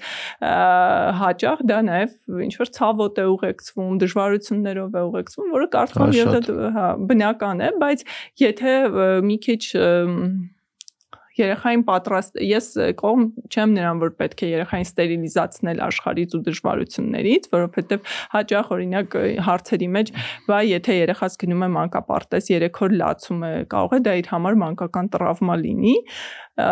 ես ասում եմ, որ ադապտացիան բնական բան է եւ երեխան հարմարվում է նոր միջավայրին, իսկ լացը դա իր արձագանքն է իրավիճակի հետ կապված, բայց ամբողջությամբ մենք չենք կարող հիմա այս այն էլ այս փոփոխվող աշխարհում ստերիլիզացնել եւ ասել, որ դու ոչինչ ոչ մի տրավմա մի ունեցի, ոչ մի բան մի ունեցի, պետք է պատրաստել, որովհետեւ աշխարհը այդքան այդպես պուպուշ մեկի արդար տեղ չէ էլի եւ ուղակի օգնել ես նոր եմ դարձել մայրիկ, այսպես ասած, եւ մինչեւ այս փուլը ինձ բոլորը ասում են, «Ահա հիմա հետաքրքիր է դու ինչ մամա ես լինելու, դու այ հոկեբան ես եւ այլն եւ այլն»։ Ես ասում եմ, ես փորձելու եմ ճանաչել իմ երեխային եւ օգնել իրեն, որ նա էլ ճանաչի այս աշխարհը։ Ես այլ նպատակ չունեմ։ Ես ոչ իմ ամբողջ այդ կարդացած գրքերն եմ իր գլխին վանանելու, որ ինչ ոչ ինչ որ հատուկ մեթոդաբանությամբ եմ իրեն զարգացնելու, այլ պարզապես ցանկանալու եմ, որ ճանաչեմ ինքը ինչ տեսակ, ինչ անձնավորություն է, որովհետև նա ուրիշ մարդ է եւ հիմա էլ པարզ երևում է, որ ինձ հետ ունի կապ, բայց նա ուրիշ էմոցիաներով, ուրիշ ճանապարհով գնացող անձնավորություն է։ Հենց հենց հետաքրքիր է, օրինակ ես չէի պատկերացնում, որ տենց է, երբ որ տղա ունեցա, ու արդեն սկսեց մեծանալ, շփվել, էմոցիաները ցույց տալ, դու հասկանում ես, որ ինքը տենց ինչ որ անհատա, որ ունի իր ցանկությունները, ինքը արդեն ինչ որ մտածելակերպ ունի, այդ ռուսերեն բառը характер, այդ այդ հայերեն ոնց է։ Խառնվածք։ Խառնվածք ունի։ Լիքը բառեր եմ սորում այս ոդքասթում։ Խառնվածք ունի, տեսակետ ունի, անգամ տես փոքր տարիքում։ Բայց հետաքրքիր է մի հատ ուրիշ թեմայի մասին խոսել խոսել, օրինակ, եթե Ամերիկայի միլիարդատերների կամ շատ հարուստ մարդկանց ցուցակը նայենք, ահա որ շատ մարդիկ, եթե չեմ սխալվում, 40%-ի չափ մոտավորապես իմիգրանտ են կամ իմիգրանտների երեխա։ Այսինքն իրանք շատ ավելի շատ դժվարություններ են տեսել ու անցել, քան այն մարդիկ, որ ծնվել ու մեծացել են ԱՄՆ-ում, արդեն մի քանի սերունդ ԱՄՆ-ում մեծացած ընտանիքում։ Այդ այդ այդ ֆենոմենը ոնց է բացատրում, որ այդ դժվարությունների մեջոցով անցած մարդիկ կամ չգիտեմ, մարզից երեխեքը գալիս են Երևանում ու շատ մեծ հաջողությունների կան հասնեն, քան Երևանում մեծացած մարդը։ Իցում այդտեղ ես սիրում եմ այդ արտահայտություն սամավիժվանիայի կանոնն է սկսում գործել, որովհետև դու երբ որ մնում ես մենակ, մնում ես առանց այդ օրինակ մարզից, երբ որ դու գալիս ես Երևան, բնականաբար դու արդեն հա ծնողներդ գիտես, որ այնտեղ քո տանն են, որ ինչ որ մի բան լինի, կգան կհասնեն, քեզ կօգնեն, բայց դա կտևի ժամեր, ինչ որ ժամային բաներ, օրեր եւ այլն։ Եվ դու պետքա այստեղ արագ կողմնորոշվես, կարողանաս ավելի ճկուն լինել, ավելի հասկանալ հիմա ինչպես պետք է դրսևորվես, ինչ պետք է անես։ Ինչ թվում է հիմնական կանոնը դրանում է կայանում եւ Իհարկե կարծում եմ նաև մի փոքր փոխվել է այդ որ ապահոված ընտանիքների, որովհետև եթե միշտ կար չէ նախկինում այն տպավորությունը, որ այսպես ասած հարուստ մարդկանց երեխաները ապահոված են, դե ինչ ունեն մտածելու իրանց papaներ իրենց համար արդեն ինչ որ բաներ պատրաստել են եւ բայց հիմա նրա նույն այդ մարդիկ նաև պայքարում են, որ իրենց երեխաները կրթություն ստանան, որ աշխատեն, որ պատ պատկերացնեմ, որ այդ գումարները, որոնք որ իրենք, չգիտեմ, ինչ ճանապարհներով եւ ինչպես որ վաստակել են, որ դա մնա պահպանվի եւ շարունակվի այս երկու բաները հիմա այսպես կարծում եմ հավասար ձևով գնում են եւ հիմա աշխարհը շատ տարբերվում է նախկինում այսինքն կային մարդիկ ովքեր գալիս էին պայքարում էին տարիներ հետո ինչ որ հաջողությունների էին ունենում անուն էին ձեռք բերում իրենց ոլորտներում եւ հիմա կան մարդիկ, ովքեր ասում են, հա, գիտես, դու ունես այնտեղ X պայմանական գումար, որը դու, չգիտեմ, քո 18 լրանալուց հետո կամ 30 լրանալուց հետո դու կունենաս, բայց մինչև այդ դու պետք է գնաս, սովորես, աշխատես, վաստակես եւ հետո դու նոր կստանաս այդ ամենը։ Դե կայացած երկրներում արդեն զարգացած նորմալ պրակտիկա է, սովորաբար սերունդներով այդ հարստությունը փոխանցվում է։ Օրինակ ես Անգլիա մի հատ երիտասարդի հետ շփվեցի, ով ինձնից երևի մի 5-6 տարեկան էր, 5-6 տարի մեծ էր, չեմ հիշի հիմա կոնկրետ, մի քիչ մեծ էր ինձնից իր ծնողները հարուստ էին եղել, իր ծնողների ծնողները հարուստ էին եղել, պապ, այտենց պապի պապն էլ էր հարուստ եղել, այտենց սերունդներով, մի քանի սերունդով իրանք հարուստ են եղել։ Ու այդ մարդու հետ որ դու շփվում ես, դու հասկանում ես, որ ինքը լրիվ ուրիշ իրականության մեջ է ապրում։ ինչ որ դու տեսել ես, ինչի մեջով անցել ես, ինքը չի տեսել բայց ինքը նաև ունի ուրիշ մտածելակերպ, կարող է ինչ-որ միտեղ այդ մտածելակերպը իրան օգնում է, ինչ-որ միտեղ խանգարում է, բայց համենայն դեպս տեսակով ուրիշ էր ինքը այդ դու միանգամից զգում ես, որ ինքը ուրիշ տեսակի մարդ է, որտեվ այն միջավայրում, որ ինքը մեծացել է, այն ինչ որ ինքը տեսել է, ինքը պետքա գնար ամենալավ համալսարանը ավարտեր ինքը երբեք ոչ մի օր չի իմացել ինչա օրինակ կարիքավորելնելը, ինչ որ մի բանի պակաս ունենալը։ Հա, parza ամեն ինչ չեն առը, համանապակումներ եղել է, բայց ինքը իմացել է, որ օրինակ եթե ինքը ուզեն սա ուզում է, դրա հնարավորությունը կա։ Բայց մենք երբ որ մեծանում ենք, երբ որ ինչ որ մի բան ուզենք, մենք ավելի հավանական է, որ գիտենք, որ դրա հնարավորությունը չկա։ Պիտի սպասես։ Հա ու հետաքրքիր էր որ հոգեբանական առումով այդ մարդը լրիվ ուրիշ էր երևի այո այդ երբ որ բայց մեկը նույն մարդկային հույզեր ունեն, նույն մարդկային խնդիրներ ունեն բոլորը միևնույնն է, եթե ինձ թվում է երկու տարբեր ճանապարհներ անցած մարդիկ հայտնվեն անմարդակ բնակ գղզում, երկուսի նպատակն էլ լինելու է ոնց այստեղ այս պայմաններում ապրել, ոնց գոյատևել։ Այդ թեմայով մի շատ լավ կինո կա, կոչվում է ու նոր կինո է հետաքրքիր որ այս անցած տարի լավ կինո էին նկար, բանա կոչվում Треугольник печали ոնց որ Triangle of Sadness ու տենց մի քանի տարբեր ռանգի մարդիկ, տեսակի ռուս օլիգարխ, այնտեղ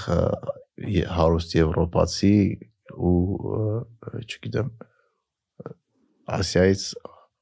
մակրուհի ընկնում են անմարթաբնակ կղզի ու ոնց է այդ ամեն ինչը սկսում զարգանա ու ինչ տենդենսներ է ապրում շատ հետաքրքիր է համի չպատմեմ սփոյլ չանեմ բայց բայց նայեք ու այդ կինոյի վերջի սաունդթրեքն էլ է շատ լավը իմ մոտ ռիփիթի վրա դրած այդ երգը տենց կարելի է նայել հա հա անպայման նայեք շատ հետաքրքիր ֆիլմ է իսկ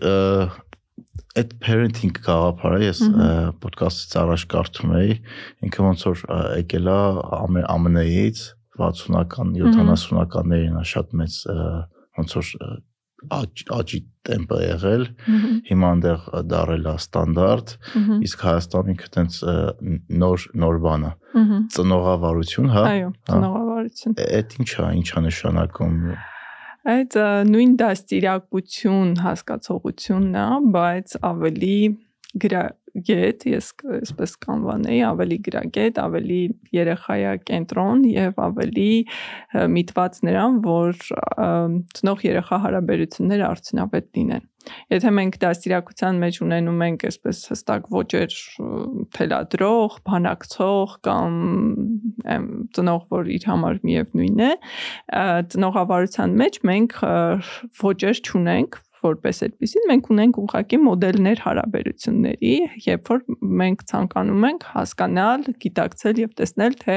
մեր դիմացի անձնավորությունը երեխան ինչպիսին է եւ մենք ինչ կարող ենք իր համար անել, ինչ կարող ենք իր համար առաջարկել։ Եվ ծնողավարությունը բավականին հիմա ռոպագանդվող, ներկայացվող երևույթ է, որը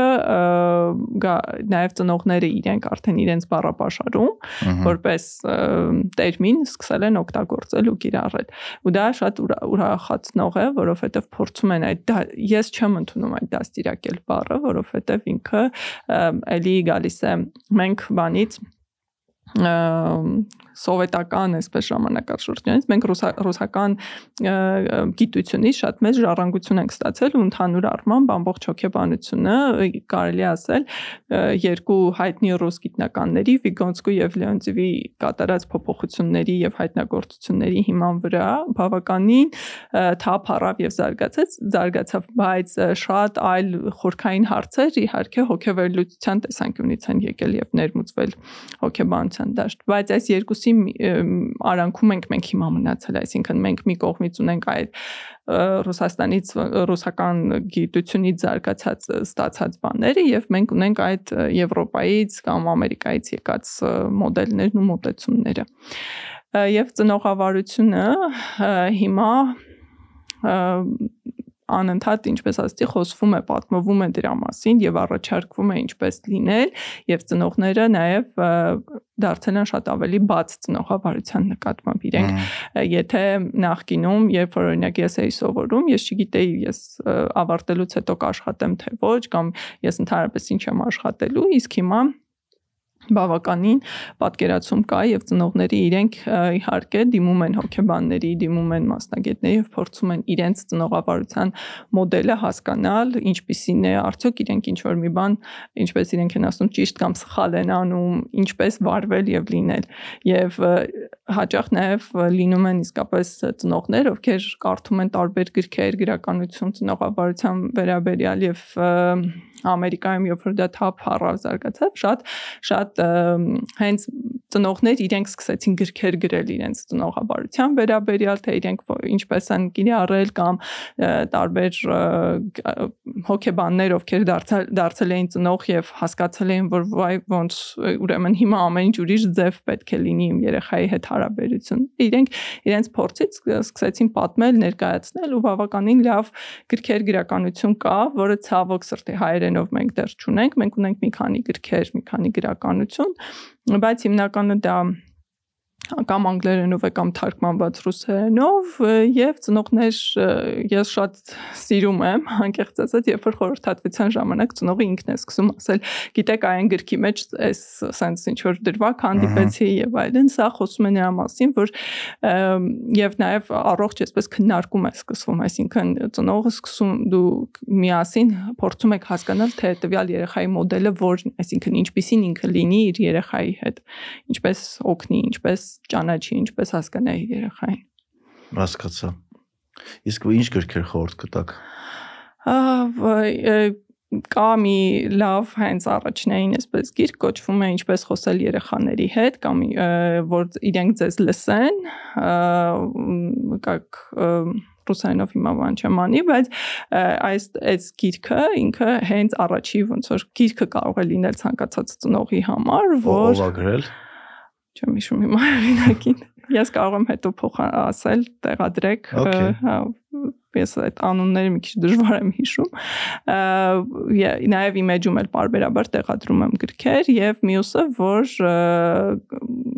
Gottman-ի հենց emotional intelligence-ի մասին գիրքն է, որ էմոցիոնալի ինտելեկտ ռիբյոնկը ինքը եւս հիմնված հետազոտություններով ու այս երկու գրքերի մեջ ինչն է շատ կարևոր ծնողավարության գրքերի մեջ, որ լինում են հենց պրակտիկ հատվածներ, այսինքն քեզ իրավիճակ է ասում, օրինակ դու ինչպես կխոսեիր այս պահին այս իրավիճակում երեխայի հետ եւ դու մի տեսակ հայտնվում ես այսպես ինքնավելլուծության բանի մեջ, որը օգնում է քեզ ավելի պրակտիկ լինել հասկացա իսկ հա, հատուկ խնամ պահանջով երեխեք հետ աշխատել եք Այո, ես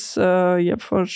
ուսանող էի, ինձ մոտ հարց առաջացավ, լավ, ես որ ավարտեմ, ինչ եմ անելու, ինչ մասնագետ եմ լինելու, որովհետև իմ առաջին մասնագիտությունը հենց դրա վերաբերյալ է եւ մենք ընկերներով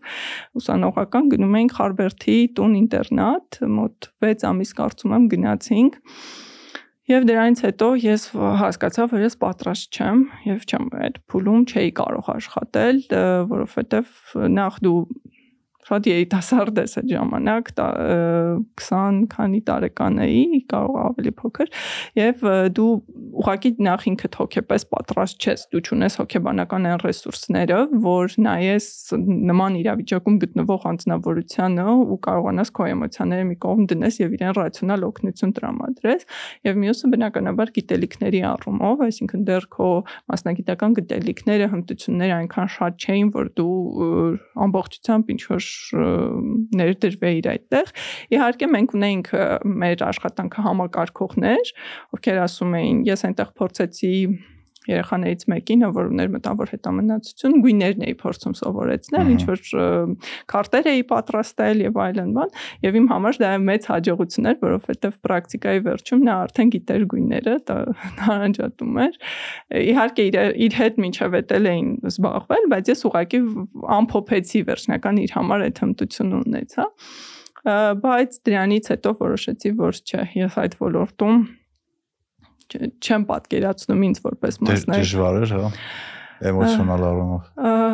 Հա, բավականին դժվար է դու կամ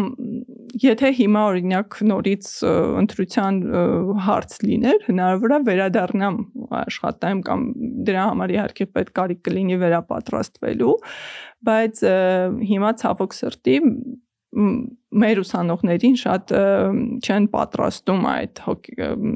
ցանկացած հոկեբան, կարծում եմ գիտեք, որ ունի իր սուպերվայզեր, այսինքն հա։ մարդ ում հետ ինքը իր դեպքերը քննարկում է, խոսում է եւ նաեւ որպես առանձին անձ դու ունես քո հոկեթերապիան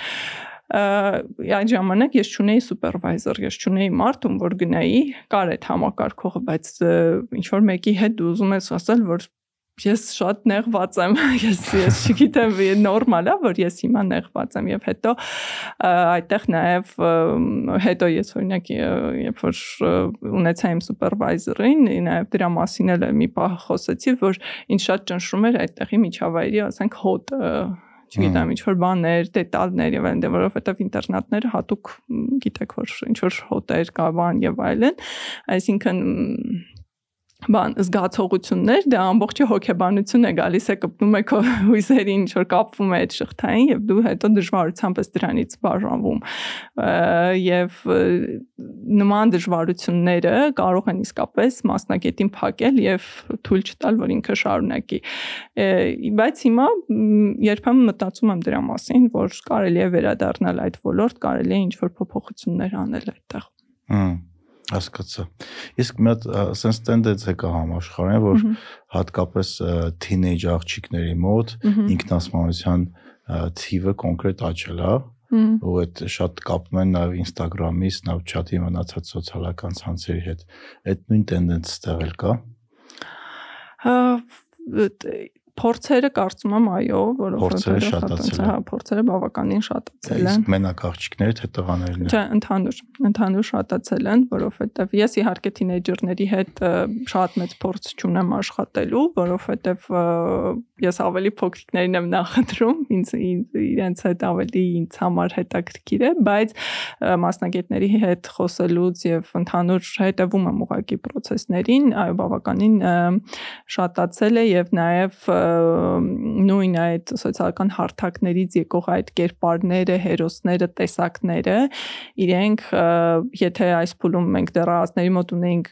կրթության նկատմամբ մոտիվացիայի կտրուկ աճ, սա ավելի խորացնում է այդ աճը, որովհետև իրենք նայում են այդ բլոգերներին, նայում են այդ բոլոր կերպարներին եւ համարում են, որ կրթություն ստանալը կամ կրթվելը անիմաստ է, որովհետև ես կարող եմ անել ինչ որ մի հատ վիդեո նկարել եւ դրանով հավաքել մեծ լայքեր, դառնալ ինֆլուենսեր եւ դրանով իմ ամբողջ կյանքը ապահովել, ինձ ոչ մի տեսակի բան պետք չէ։ բայց մյուս կողմից էլ իսկապես մենք ունենք սերունդ, որը հետաքրքրված է, այսինքն հետաքրքրված է տարբեր տեխնոլոգիաներով, երևույթներով, նույն ռոբոտաշինությամբ կամ չգիտեմ IT-ի հետ կապված տարբեր process-ներով եւ իրենք փորձում են այն այն ինչ որ հիմա ժամանակակից աշխարհը մեզ մատուցում է, դրանից օգտվել։ Եվ ես միշտ թինեյջերների ծնողներին դրա մասին եմ ասում, որ դուք մի փոխրցեք կանխել դա, այսինքն որ նա չօգտվի, չհայտնվի այդ ցանցերում եւ այլն։ Դա իր բնական պահանջն է, նա ուզում է շփվել, նա ուզում է իր այդ խմբի մասը կազմել։ Եթե դուք իրեն հա։ առանձնացնեք, բնականաբար իր արձագանքը պետք է բուրըն լինի, որովհետեւ դուք զրկում եք իրեն այդ։ Ես տես դեպք տեսել եմ, մեր ծանոթներից մեկը արկել է երեխուն հեռախոսով խաղ խաղա ու դրա ոնց որ հետևանք էին եղավ, որ երեխան կտրվեց իր դասարանցիներից, որովհետև պարզվեց, որ այդ Fortnite-ը խաղալով իրանք խաղի ընթացքում հենց իրար հետ շփվում են ու այդ իրանց շփվելու ձևն է խաղ խաղալով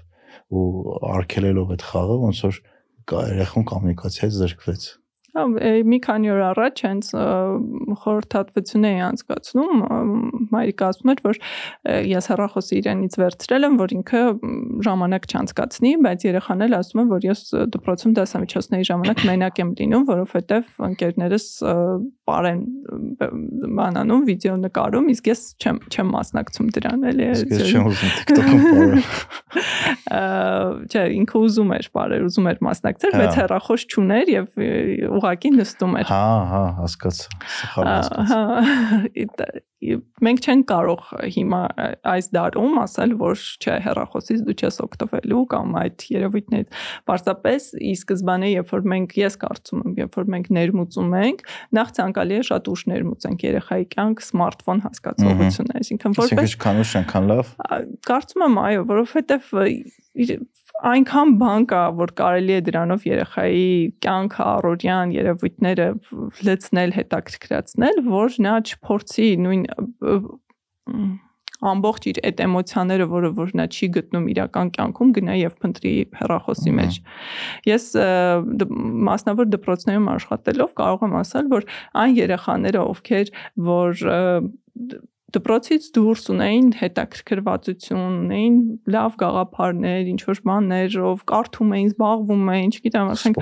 սպորտով կամ հիմա շատ նկարում էին, ինչ որ գրքեր էին պատրաստում եւ այլն։ Իրենց համար հերախոսը դա հա կա որպես երևույթ, իրենք դա որպես նաեւ կարող էին օրվա վերջում 1 ժամ կամ չգիտեմ ինչ որ մի պահի լիցքաթափման որպես միջոց օգտագործել, բայց ոչ որպես աղբյուր, որ դու այդտեղից լիցքավորվես Եվ ամբողջ խնդիրը հիմա կայանում է նրանում, որ մենք ունենք դրանով մենք դեգրադացիայի մեծ խնդրի առաջ են կանգնում, որովհետև իրենք անընդհատ ինչ որ նույն կրկնվող գործողություններն են անում։ Այսինքն վարկյանում եք։ Հա, եւ ինչ ինֆորմացիա են ստանում, այսինքն նույն TikTok-ից, որը խայտարակությունը հիմնական այն հումորը, այն մակարդակը, այն երևույթները, որը որ Չնայած TikTok-ում շատ որակով կոնտենտ է կա, բայց այդ կոնտենտը սովորաբար երեխեք չեն նայում կա այն ինչը որ իրենք առաջին այսպես ծամոնի նման գալիս է ու իրենց ուղեղի մեջ դա ուղղակի ծամվում է եւ սրա մյուս բադ կողմը այն է որ դա դառնում է կերպարների երևույթների ձևավորման հիմք այսինքն նույն աղջիկները թինեյջեր նայում են որ նիհարիկ սիրուն sense ինչ որ կազմվածքով չեմ ուսում բանանել բայց այդ այդ կերպարը ավելի ընդունելի է քան բնական գեղեցկությունը կամ ուղակի քո մարմինը էս փուլում որ ինչպեսին որ կա դա ընդունելը ընդունել չի չի կարելի պետքա լինել X մոդելի եւ X տեսակի եւ սա եւս այդ փուլին այդ փուլում քանի որ մի հատ իրանք ունեն խնդիր իրենց մարմինը ընդունելու այդ փոփոխությունները ընդունելու դեռահասության դրան գումարվում է նաեւ այդ կարծրատիպ այդ կերպարը ու սա ավելի կարող է շփոթեցնել։ Հա Իսկ այդ դեռահասության ժամանակ, օրինակ սեռական դաստիարակությունը ինչքան կարևոր է։ Տղաների էլ, բայց հիմնական աղջիկների մոտ մարմինը շատ արագ փոփոխվում է ու շատերը չեն հասկանում ինչ է իրancs հետ կատարվում ու ծնողներն է եթե դրա մասին չեն խոսում իրancs հետ ինչ որ անհասկանալի աղբյուրներից on-line ինչ որ ինֆորմացիաներ են ստանում ու դա կարա շատ վատ հետևանքների բերի աղջիկների համար էլ տղաների էլ նախ սեռական դաստիարակությունը ոչ ոչ ոչ թե պետքա սկսել, երբ որ մենք դառնում ենք դեռահաս, այլ շատ շուտ, հա։ ավելի շուտ, որովհետև 2-3 տարեկան երեխան արդեն ունի հետաքրքրվածություն իր մարմնի նկատմամբ այսինքն ինքը սկսում է sense ներքև նայել ու իրան հետաքրքիր է ու սեռական դաստիարակություն երբ որ մենք ասում ենք մեկ-մեկ ծնողները մտածում են որ դա սեռական հարաբերությունների մասին է բայց դա հարաբերությունների մասին չէ դա նրա մասին է որ ինչի մասին է եկեք մի հատ հասկանանք ինչա սեռական դաստիարակությունը որ էլի սխալ չընկալվի էլի որովհետև շատ մարդկանց մոտ երբ որ դու ասում ես սեռական դաստիարակություն իրանց մոտ sense աշկերը մեծանում է մի հատ ինչ որ շատ վատ բաներ են իրանց մտածելակերպում պատկերացնում ու մի անգամից sense պատա կառուցվում։ Սրական դաստիարակությունը ըստ ինձ դա նրա մասին է, որ եթե դու ունես մարմին, այսինքն դու ունես մարմին եւ քո մարմնի բոլոր անդամ բաները, օրգանները ունեն հստակ ֆունկցիաներ։ Սիրտը այս ֆունկցիան է կատարում, թոքերդ այս եւ սեռական օրգանները դել ունեն իրենց ֆունկցիան։ Ահա։ Առաջնային ֆունկցիան դա որ քո առողջության հետ կապված ֆունկցիաներն են, երկրորդը դա վերարտադրողական ֆունկցիան է։ Բնականաբար երկու տարեկան երեխային մենք դրա մասին չենք ասելու, Դե հա։ բայց մենք խոսելու ենք իր հետ, որ սա քո մարմնի մի մասն է, ոչ թե սա ինչ որ sense առանձին կտրված քեզանից երևույթ է, այլ քո մարմնի մի մասն է։ Եվ երկրորդը կա հենց նաև համաշխարհային գրականության մեջ կոչվում ներքնազգեստի կանոն։ Այսինքն սա նրա մասին է, որ մենք երեխային ասում ենք, որ սա այն օրգանն է, որը ունի հատուկ խնամքի կարիք եւ ունի հատուկ հագուստ, որը մենք հագնում ենք իր համար։ Այսինքն կանայք աղջիկները հագնում են համապատասխան ներքնազգեստը, տղաները հագնում են համապատասխան ներքնազգեստը եւ ներքնազգեստի կանոնը նրա մասին է, որ քո սեռական օրգանների, քո սեռական քո մարմնի առհասարակ նկատմամբ խնամք կարող է իրականացնել քո ծնողները եւ երբ որ օրինակ մենք գնում ենք բժշկի կամ ինչ որ իրավիճակ է, որ բժիշկը կամ չգիտեմ ուսուցչուհի, եթե դա ինչ որ խիստ անհրաժեշտ իրավիճակ է, իրենք կարող են քեզ դիպչել եւ կարող են քեզ համապատասխան օգնություն ցուցաբերել։ Այսինքն սեռական կրթության առաջին նախադրյալները դրա մասին են եւ այդ օրգանիտ երբ որ դու հակնում ես ասենք ներքնազգեստը դա նրա մասին է որ դա անձեռնամխելիություն ունի այսինքն ոչ, բոլորը կարող են դրան ունենալ հասանելիություն եւ համապատասխան արձագանք։ Սա ինչու է պետք ասել երեխաներին, որովհետև հաճախ ցավոք սրտի մենք ունենում ենք, չասեմ մանկապղծության, բայց հա, բաներ, որ հենց տենց է ասեք, որտեվ հենց տենց է նույնը։ ը, դիպչում են երեխաներին, հատկապես աղջիկներն ու իհարկե տղաների դեպքում էլ է դա լինում եւ երեխաները չգիտեն դա ինչպես ներկայացնել, ինչպես կամ ինչպես պա- պահպանել Ահա։ սահմանները, ինչպես ասել, որ ինձ ձեռք չտաս, ինձ մոտիկ չգաս եւ այլն։ Իհարկե ցավոք սրտի կան դեպքեր, որ երեխան ինչ էլ ասի, ինչ էլ անի դիմացինի դեպքում դա չի գործելու, բայց գոնե երեխան գիտի, որ սա իմ տարածքն է, իմ մարմինն է, իմ սահմաններն են եւ սրա համար պատասխանատվությունը կրում են այս այս այս մարդիկ եւ այս այս դեպքերն ու այս իրավիճակները։ Իհարկե, երբ որ երեխայի մեծանալու հետ միասին մենք խոսում ենք եւ սրա հասունացման մասին պետք է խոսել ոչ թե հենց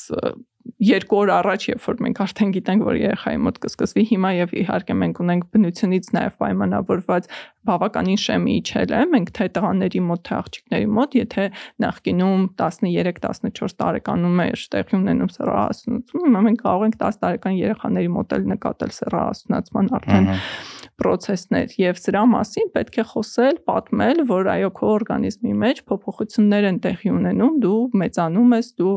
ավելի մեծահասակ ես դառնում, որը բնական է, նորմալ է, բոլորը անցնում են այս փուլերով եւ այն դեմքիդ վրա փոփոխությունները, տղաների դեպքում մորուք, աղջիկների դեպքում բշտիկները կամ հակառ տարբեր տարբեր բաներ, այսինքն նույն այլ օրգաններում փոփոխությունները բնական ու նորմալ են եւ սա քո զարգացման մի մասն է կազմում եւ մյուս բանը որ մենք ունենում ենք էմոցիոնալ փոփոխություններ այսինքն հնարավոր է դու տրամադրության փոփոխություններ ունենաս հնարավոր է օրեր լինեն դու ուղակի ուզենաս քեզ բատս գաս ու ցանկանաս պարկել հանգստանալ քայլել այսինքն սա մի բան է որը օգնում է որը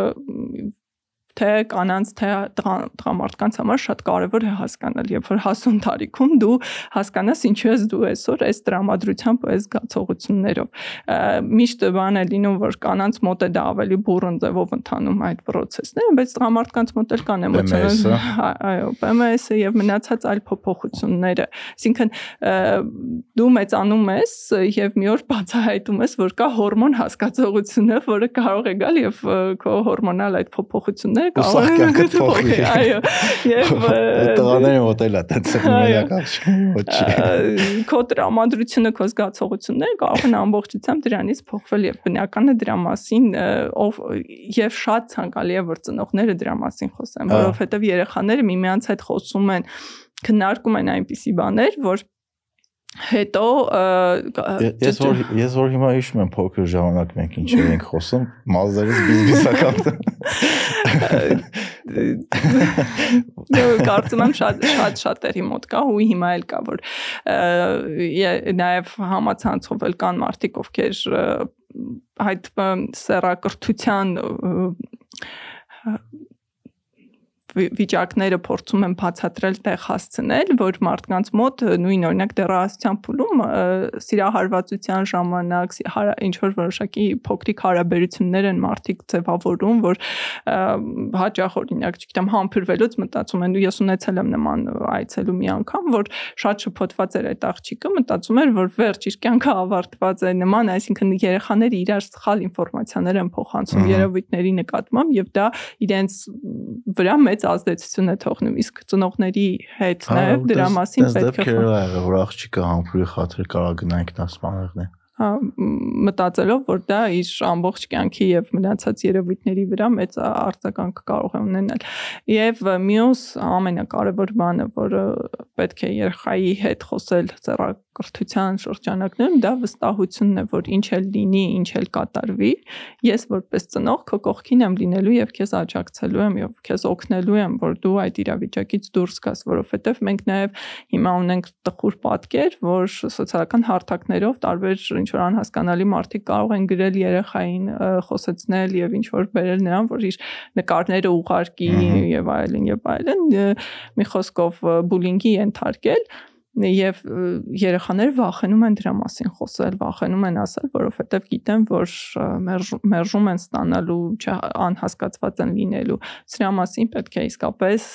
երեխային ասել եւ բացատրել։ Իհարկե ընդհանուր, երբ որ մենք երեխայի հետ ունենք վստահելի հարաբերություններ, սա նաեւ անդրադառնում է այդտեղ, բայց հատկապես այդ հարցերում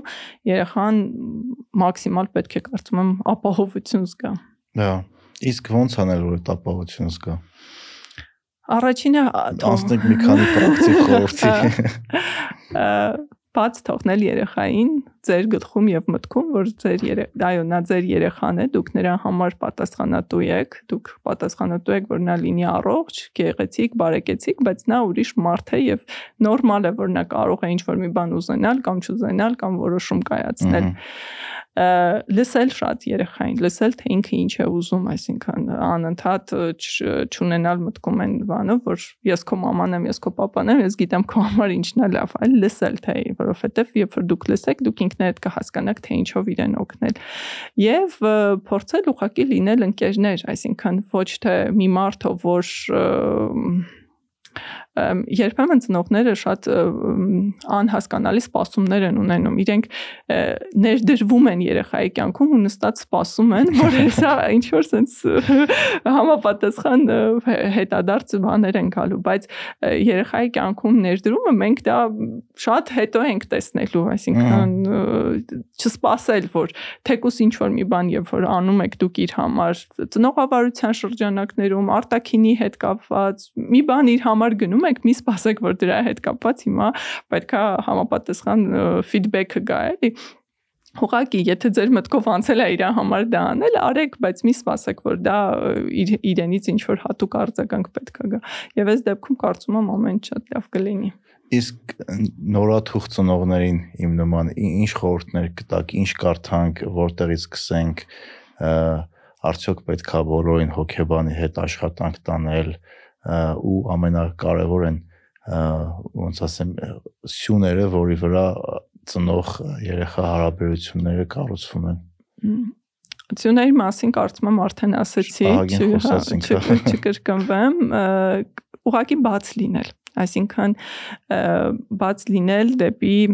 հասարակություն դեպի ձեր նման մարդկանց առաջ, այսինքն լսել, թե ուրիշները տարբեր պրակտիկ իրավիճակներում ինչպես են գործել, ինչպես են վարվել, բայց նաև լսել եւ հասկանալ թե ձեր երեխայի համար ինչը կարող է ավելի արդյունավետ լինել եւ չվախենալ փորձել։ Ու այդ կարող ռադիկալ տարբերելնի բոլորի փորձառությունից։ Այո, ուղակի ունենալ որպես տարբերակ եւ չվախենալ երեխայի հետ փորձարկումներից այսինքն երբ որ դուք ինչ որ մի բան տեսնում եք որ ձեր եւ երեխայի հետ հարաբերություններում արդյունավետ չէ այսինքն դուք ամեն անդադ այդ կրկնվող ինչ որ սցենարների մեջ եք սկսել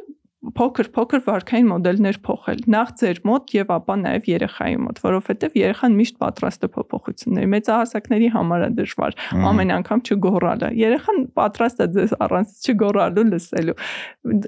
Դուք պետք է ձեր մոտեցումները վերանայեք եւ ուղակի բաց լինել, կարդալ, լսել, ամեն ինչ կարդալ եւ ամեն ինչ լսել եւ ժամանակի ընթացքում դուք արդեն կունենաք ձեր ֆավորիտները, ձեր նախընտրությունները, ձեր սիրելի մասնակիցները,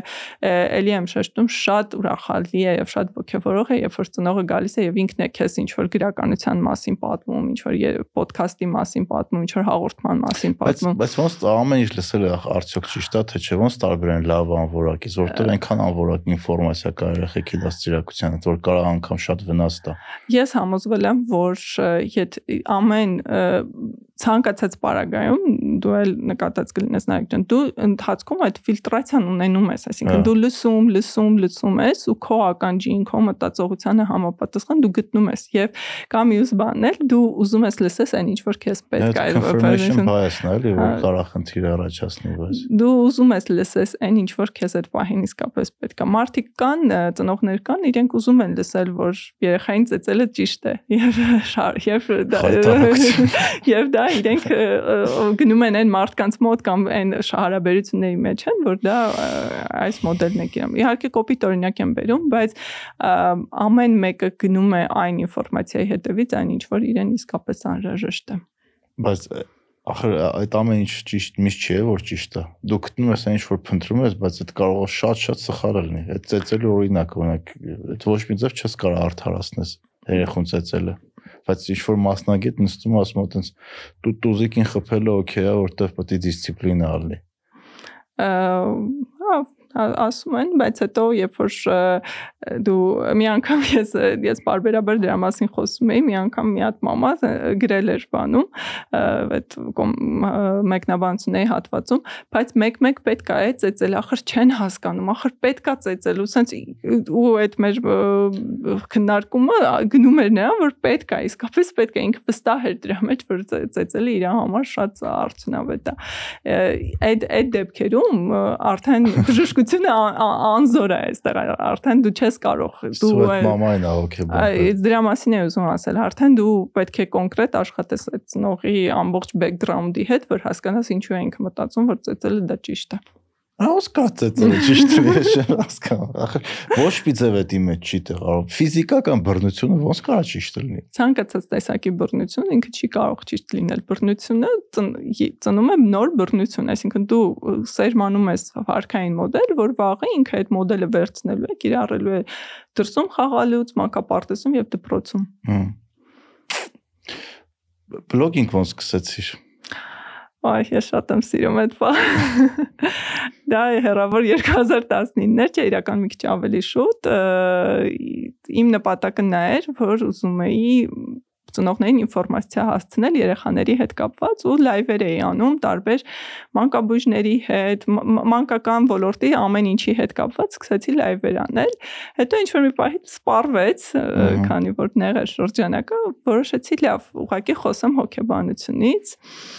Եվ սկսեցի խոսել, խոսել, խոսել ու այդպես համ Facebook-ում, համ Instagram-ում բավականին լավ գեղեցիկ լսարան Facebook-ում եկաս։ Այո։ Եվ հիմա մի տեսակ նաև արդեն չեմ էլ պատկերացնում առանց այդ ամենի եւ շատ շնորհակալ եմ ու ուրախ եմ, որ այդ լսարանը ձևավորվել է։ Պատահական ստացվեց, հա։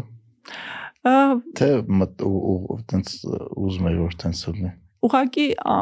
շատ Հիմա մեծ լսարան կա, չէ։ Հա, ինձ համար քանակը կարևոր չէ, ես շատ կարևորում եմ, որ հետաքրքրված է լսարանը, այսինքն հնարավոր է օրինակ ինչ որ մի բան դիտում է, ասենք պայմանական 200 հոգի կամ 300 հոգի, բայց արձագանքներից հասկանում եմ, որ իսկապես դիտում են, լսում են, հետաքրքրված են, միմյանց փոխանցում են նաև ցանկությունս էր կարծում եմ շատ մեծ։ Հա։ Ինչ որ մի բան անելու ցանկությունս էր մեծ եւ դա բերեց այս ամենին։ Դե ուսանք ոդկասթից հետո ավելի կշատա։ Այ ոդկասթը վերջի շրջանում իմ ամենասիրելի ֆորմատն է, շատ եմ լսում տարբեր հեղինակների, փորձում եմ ավելի համեմել։ Հա Իսկ ո՞րն է մոտիվացիան, ի՞նչն է ստիպում ամեն առավոտ արթնանալ, անել այն ինչ որ անում եք։ Մի քանի ամիս առաջ ուրիշ էր մոտիվացիան, հիմա հիմա լրիվ այլ է։ Իրականում ես կարծում եմ, եթե ամեն մեկս ամեն առավոտ գոնե մի բան անենք, որ մեր հասարակությունում փոքրիկ փոփոխություն լինի, մենք վաղը կապրենք կամ մենք չէ գոնե մեր երեխաները կապրեն ավելի լավ երկրում։ Մենք էլ խի չէ որ կանք հասնենք մենք էլ։ Ես պլանավորում եմ 90+ ապրում։ Մերսի շատ։ Ես էլ եմ շնորհակալ։ Ձեր բռնած գործերին է հաջողություն։ Ձեզ էլ։ Come on, come on, come on.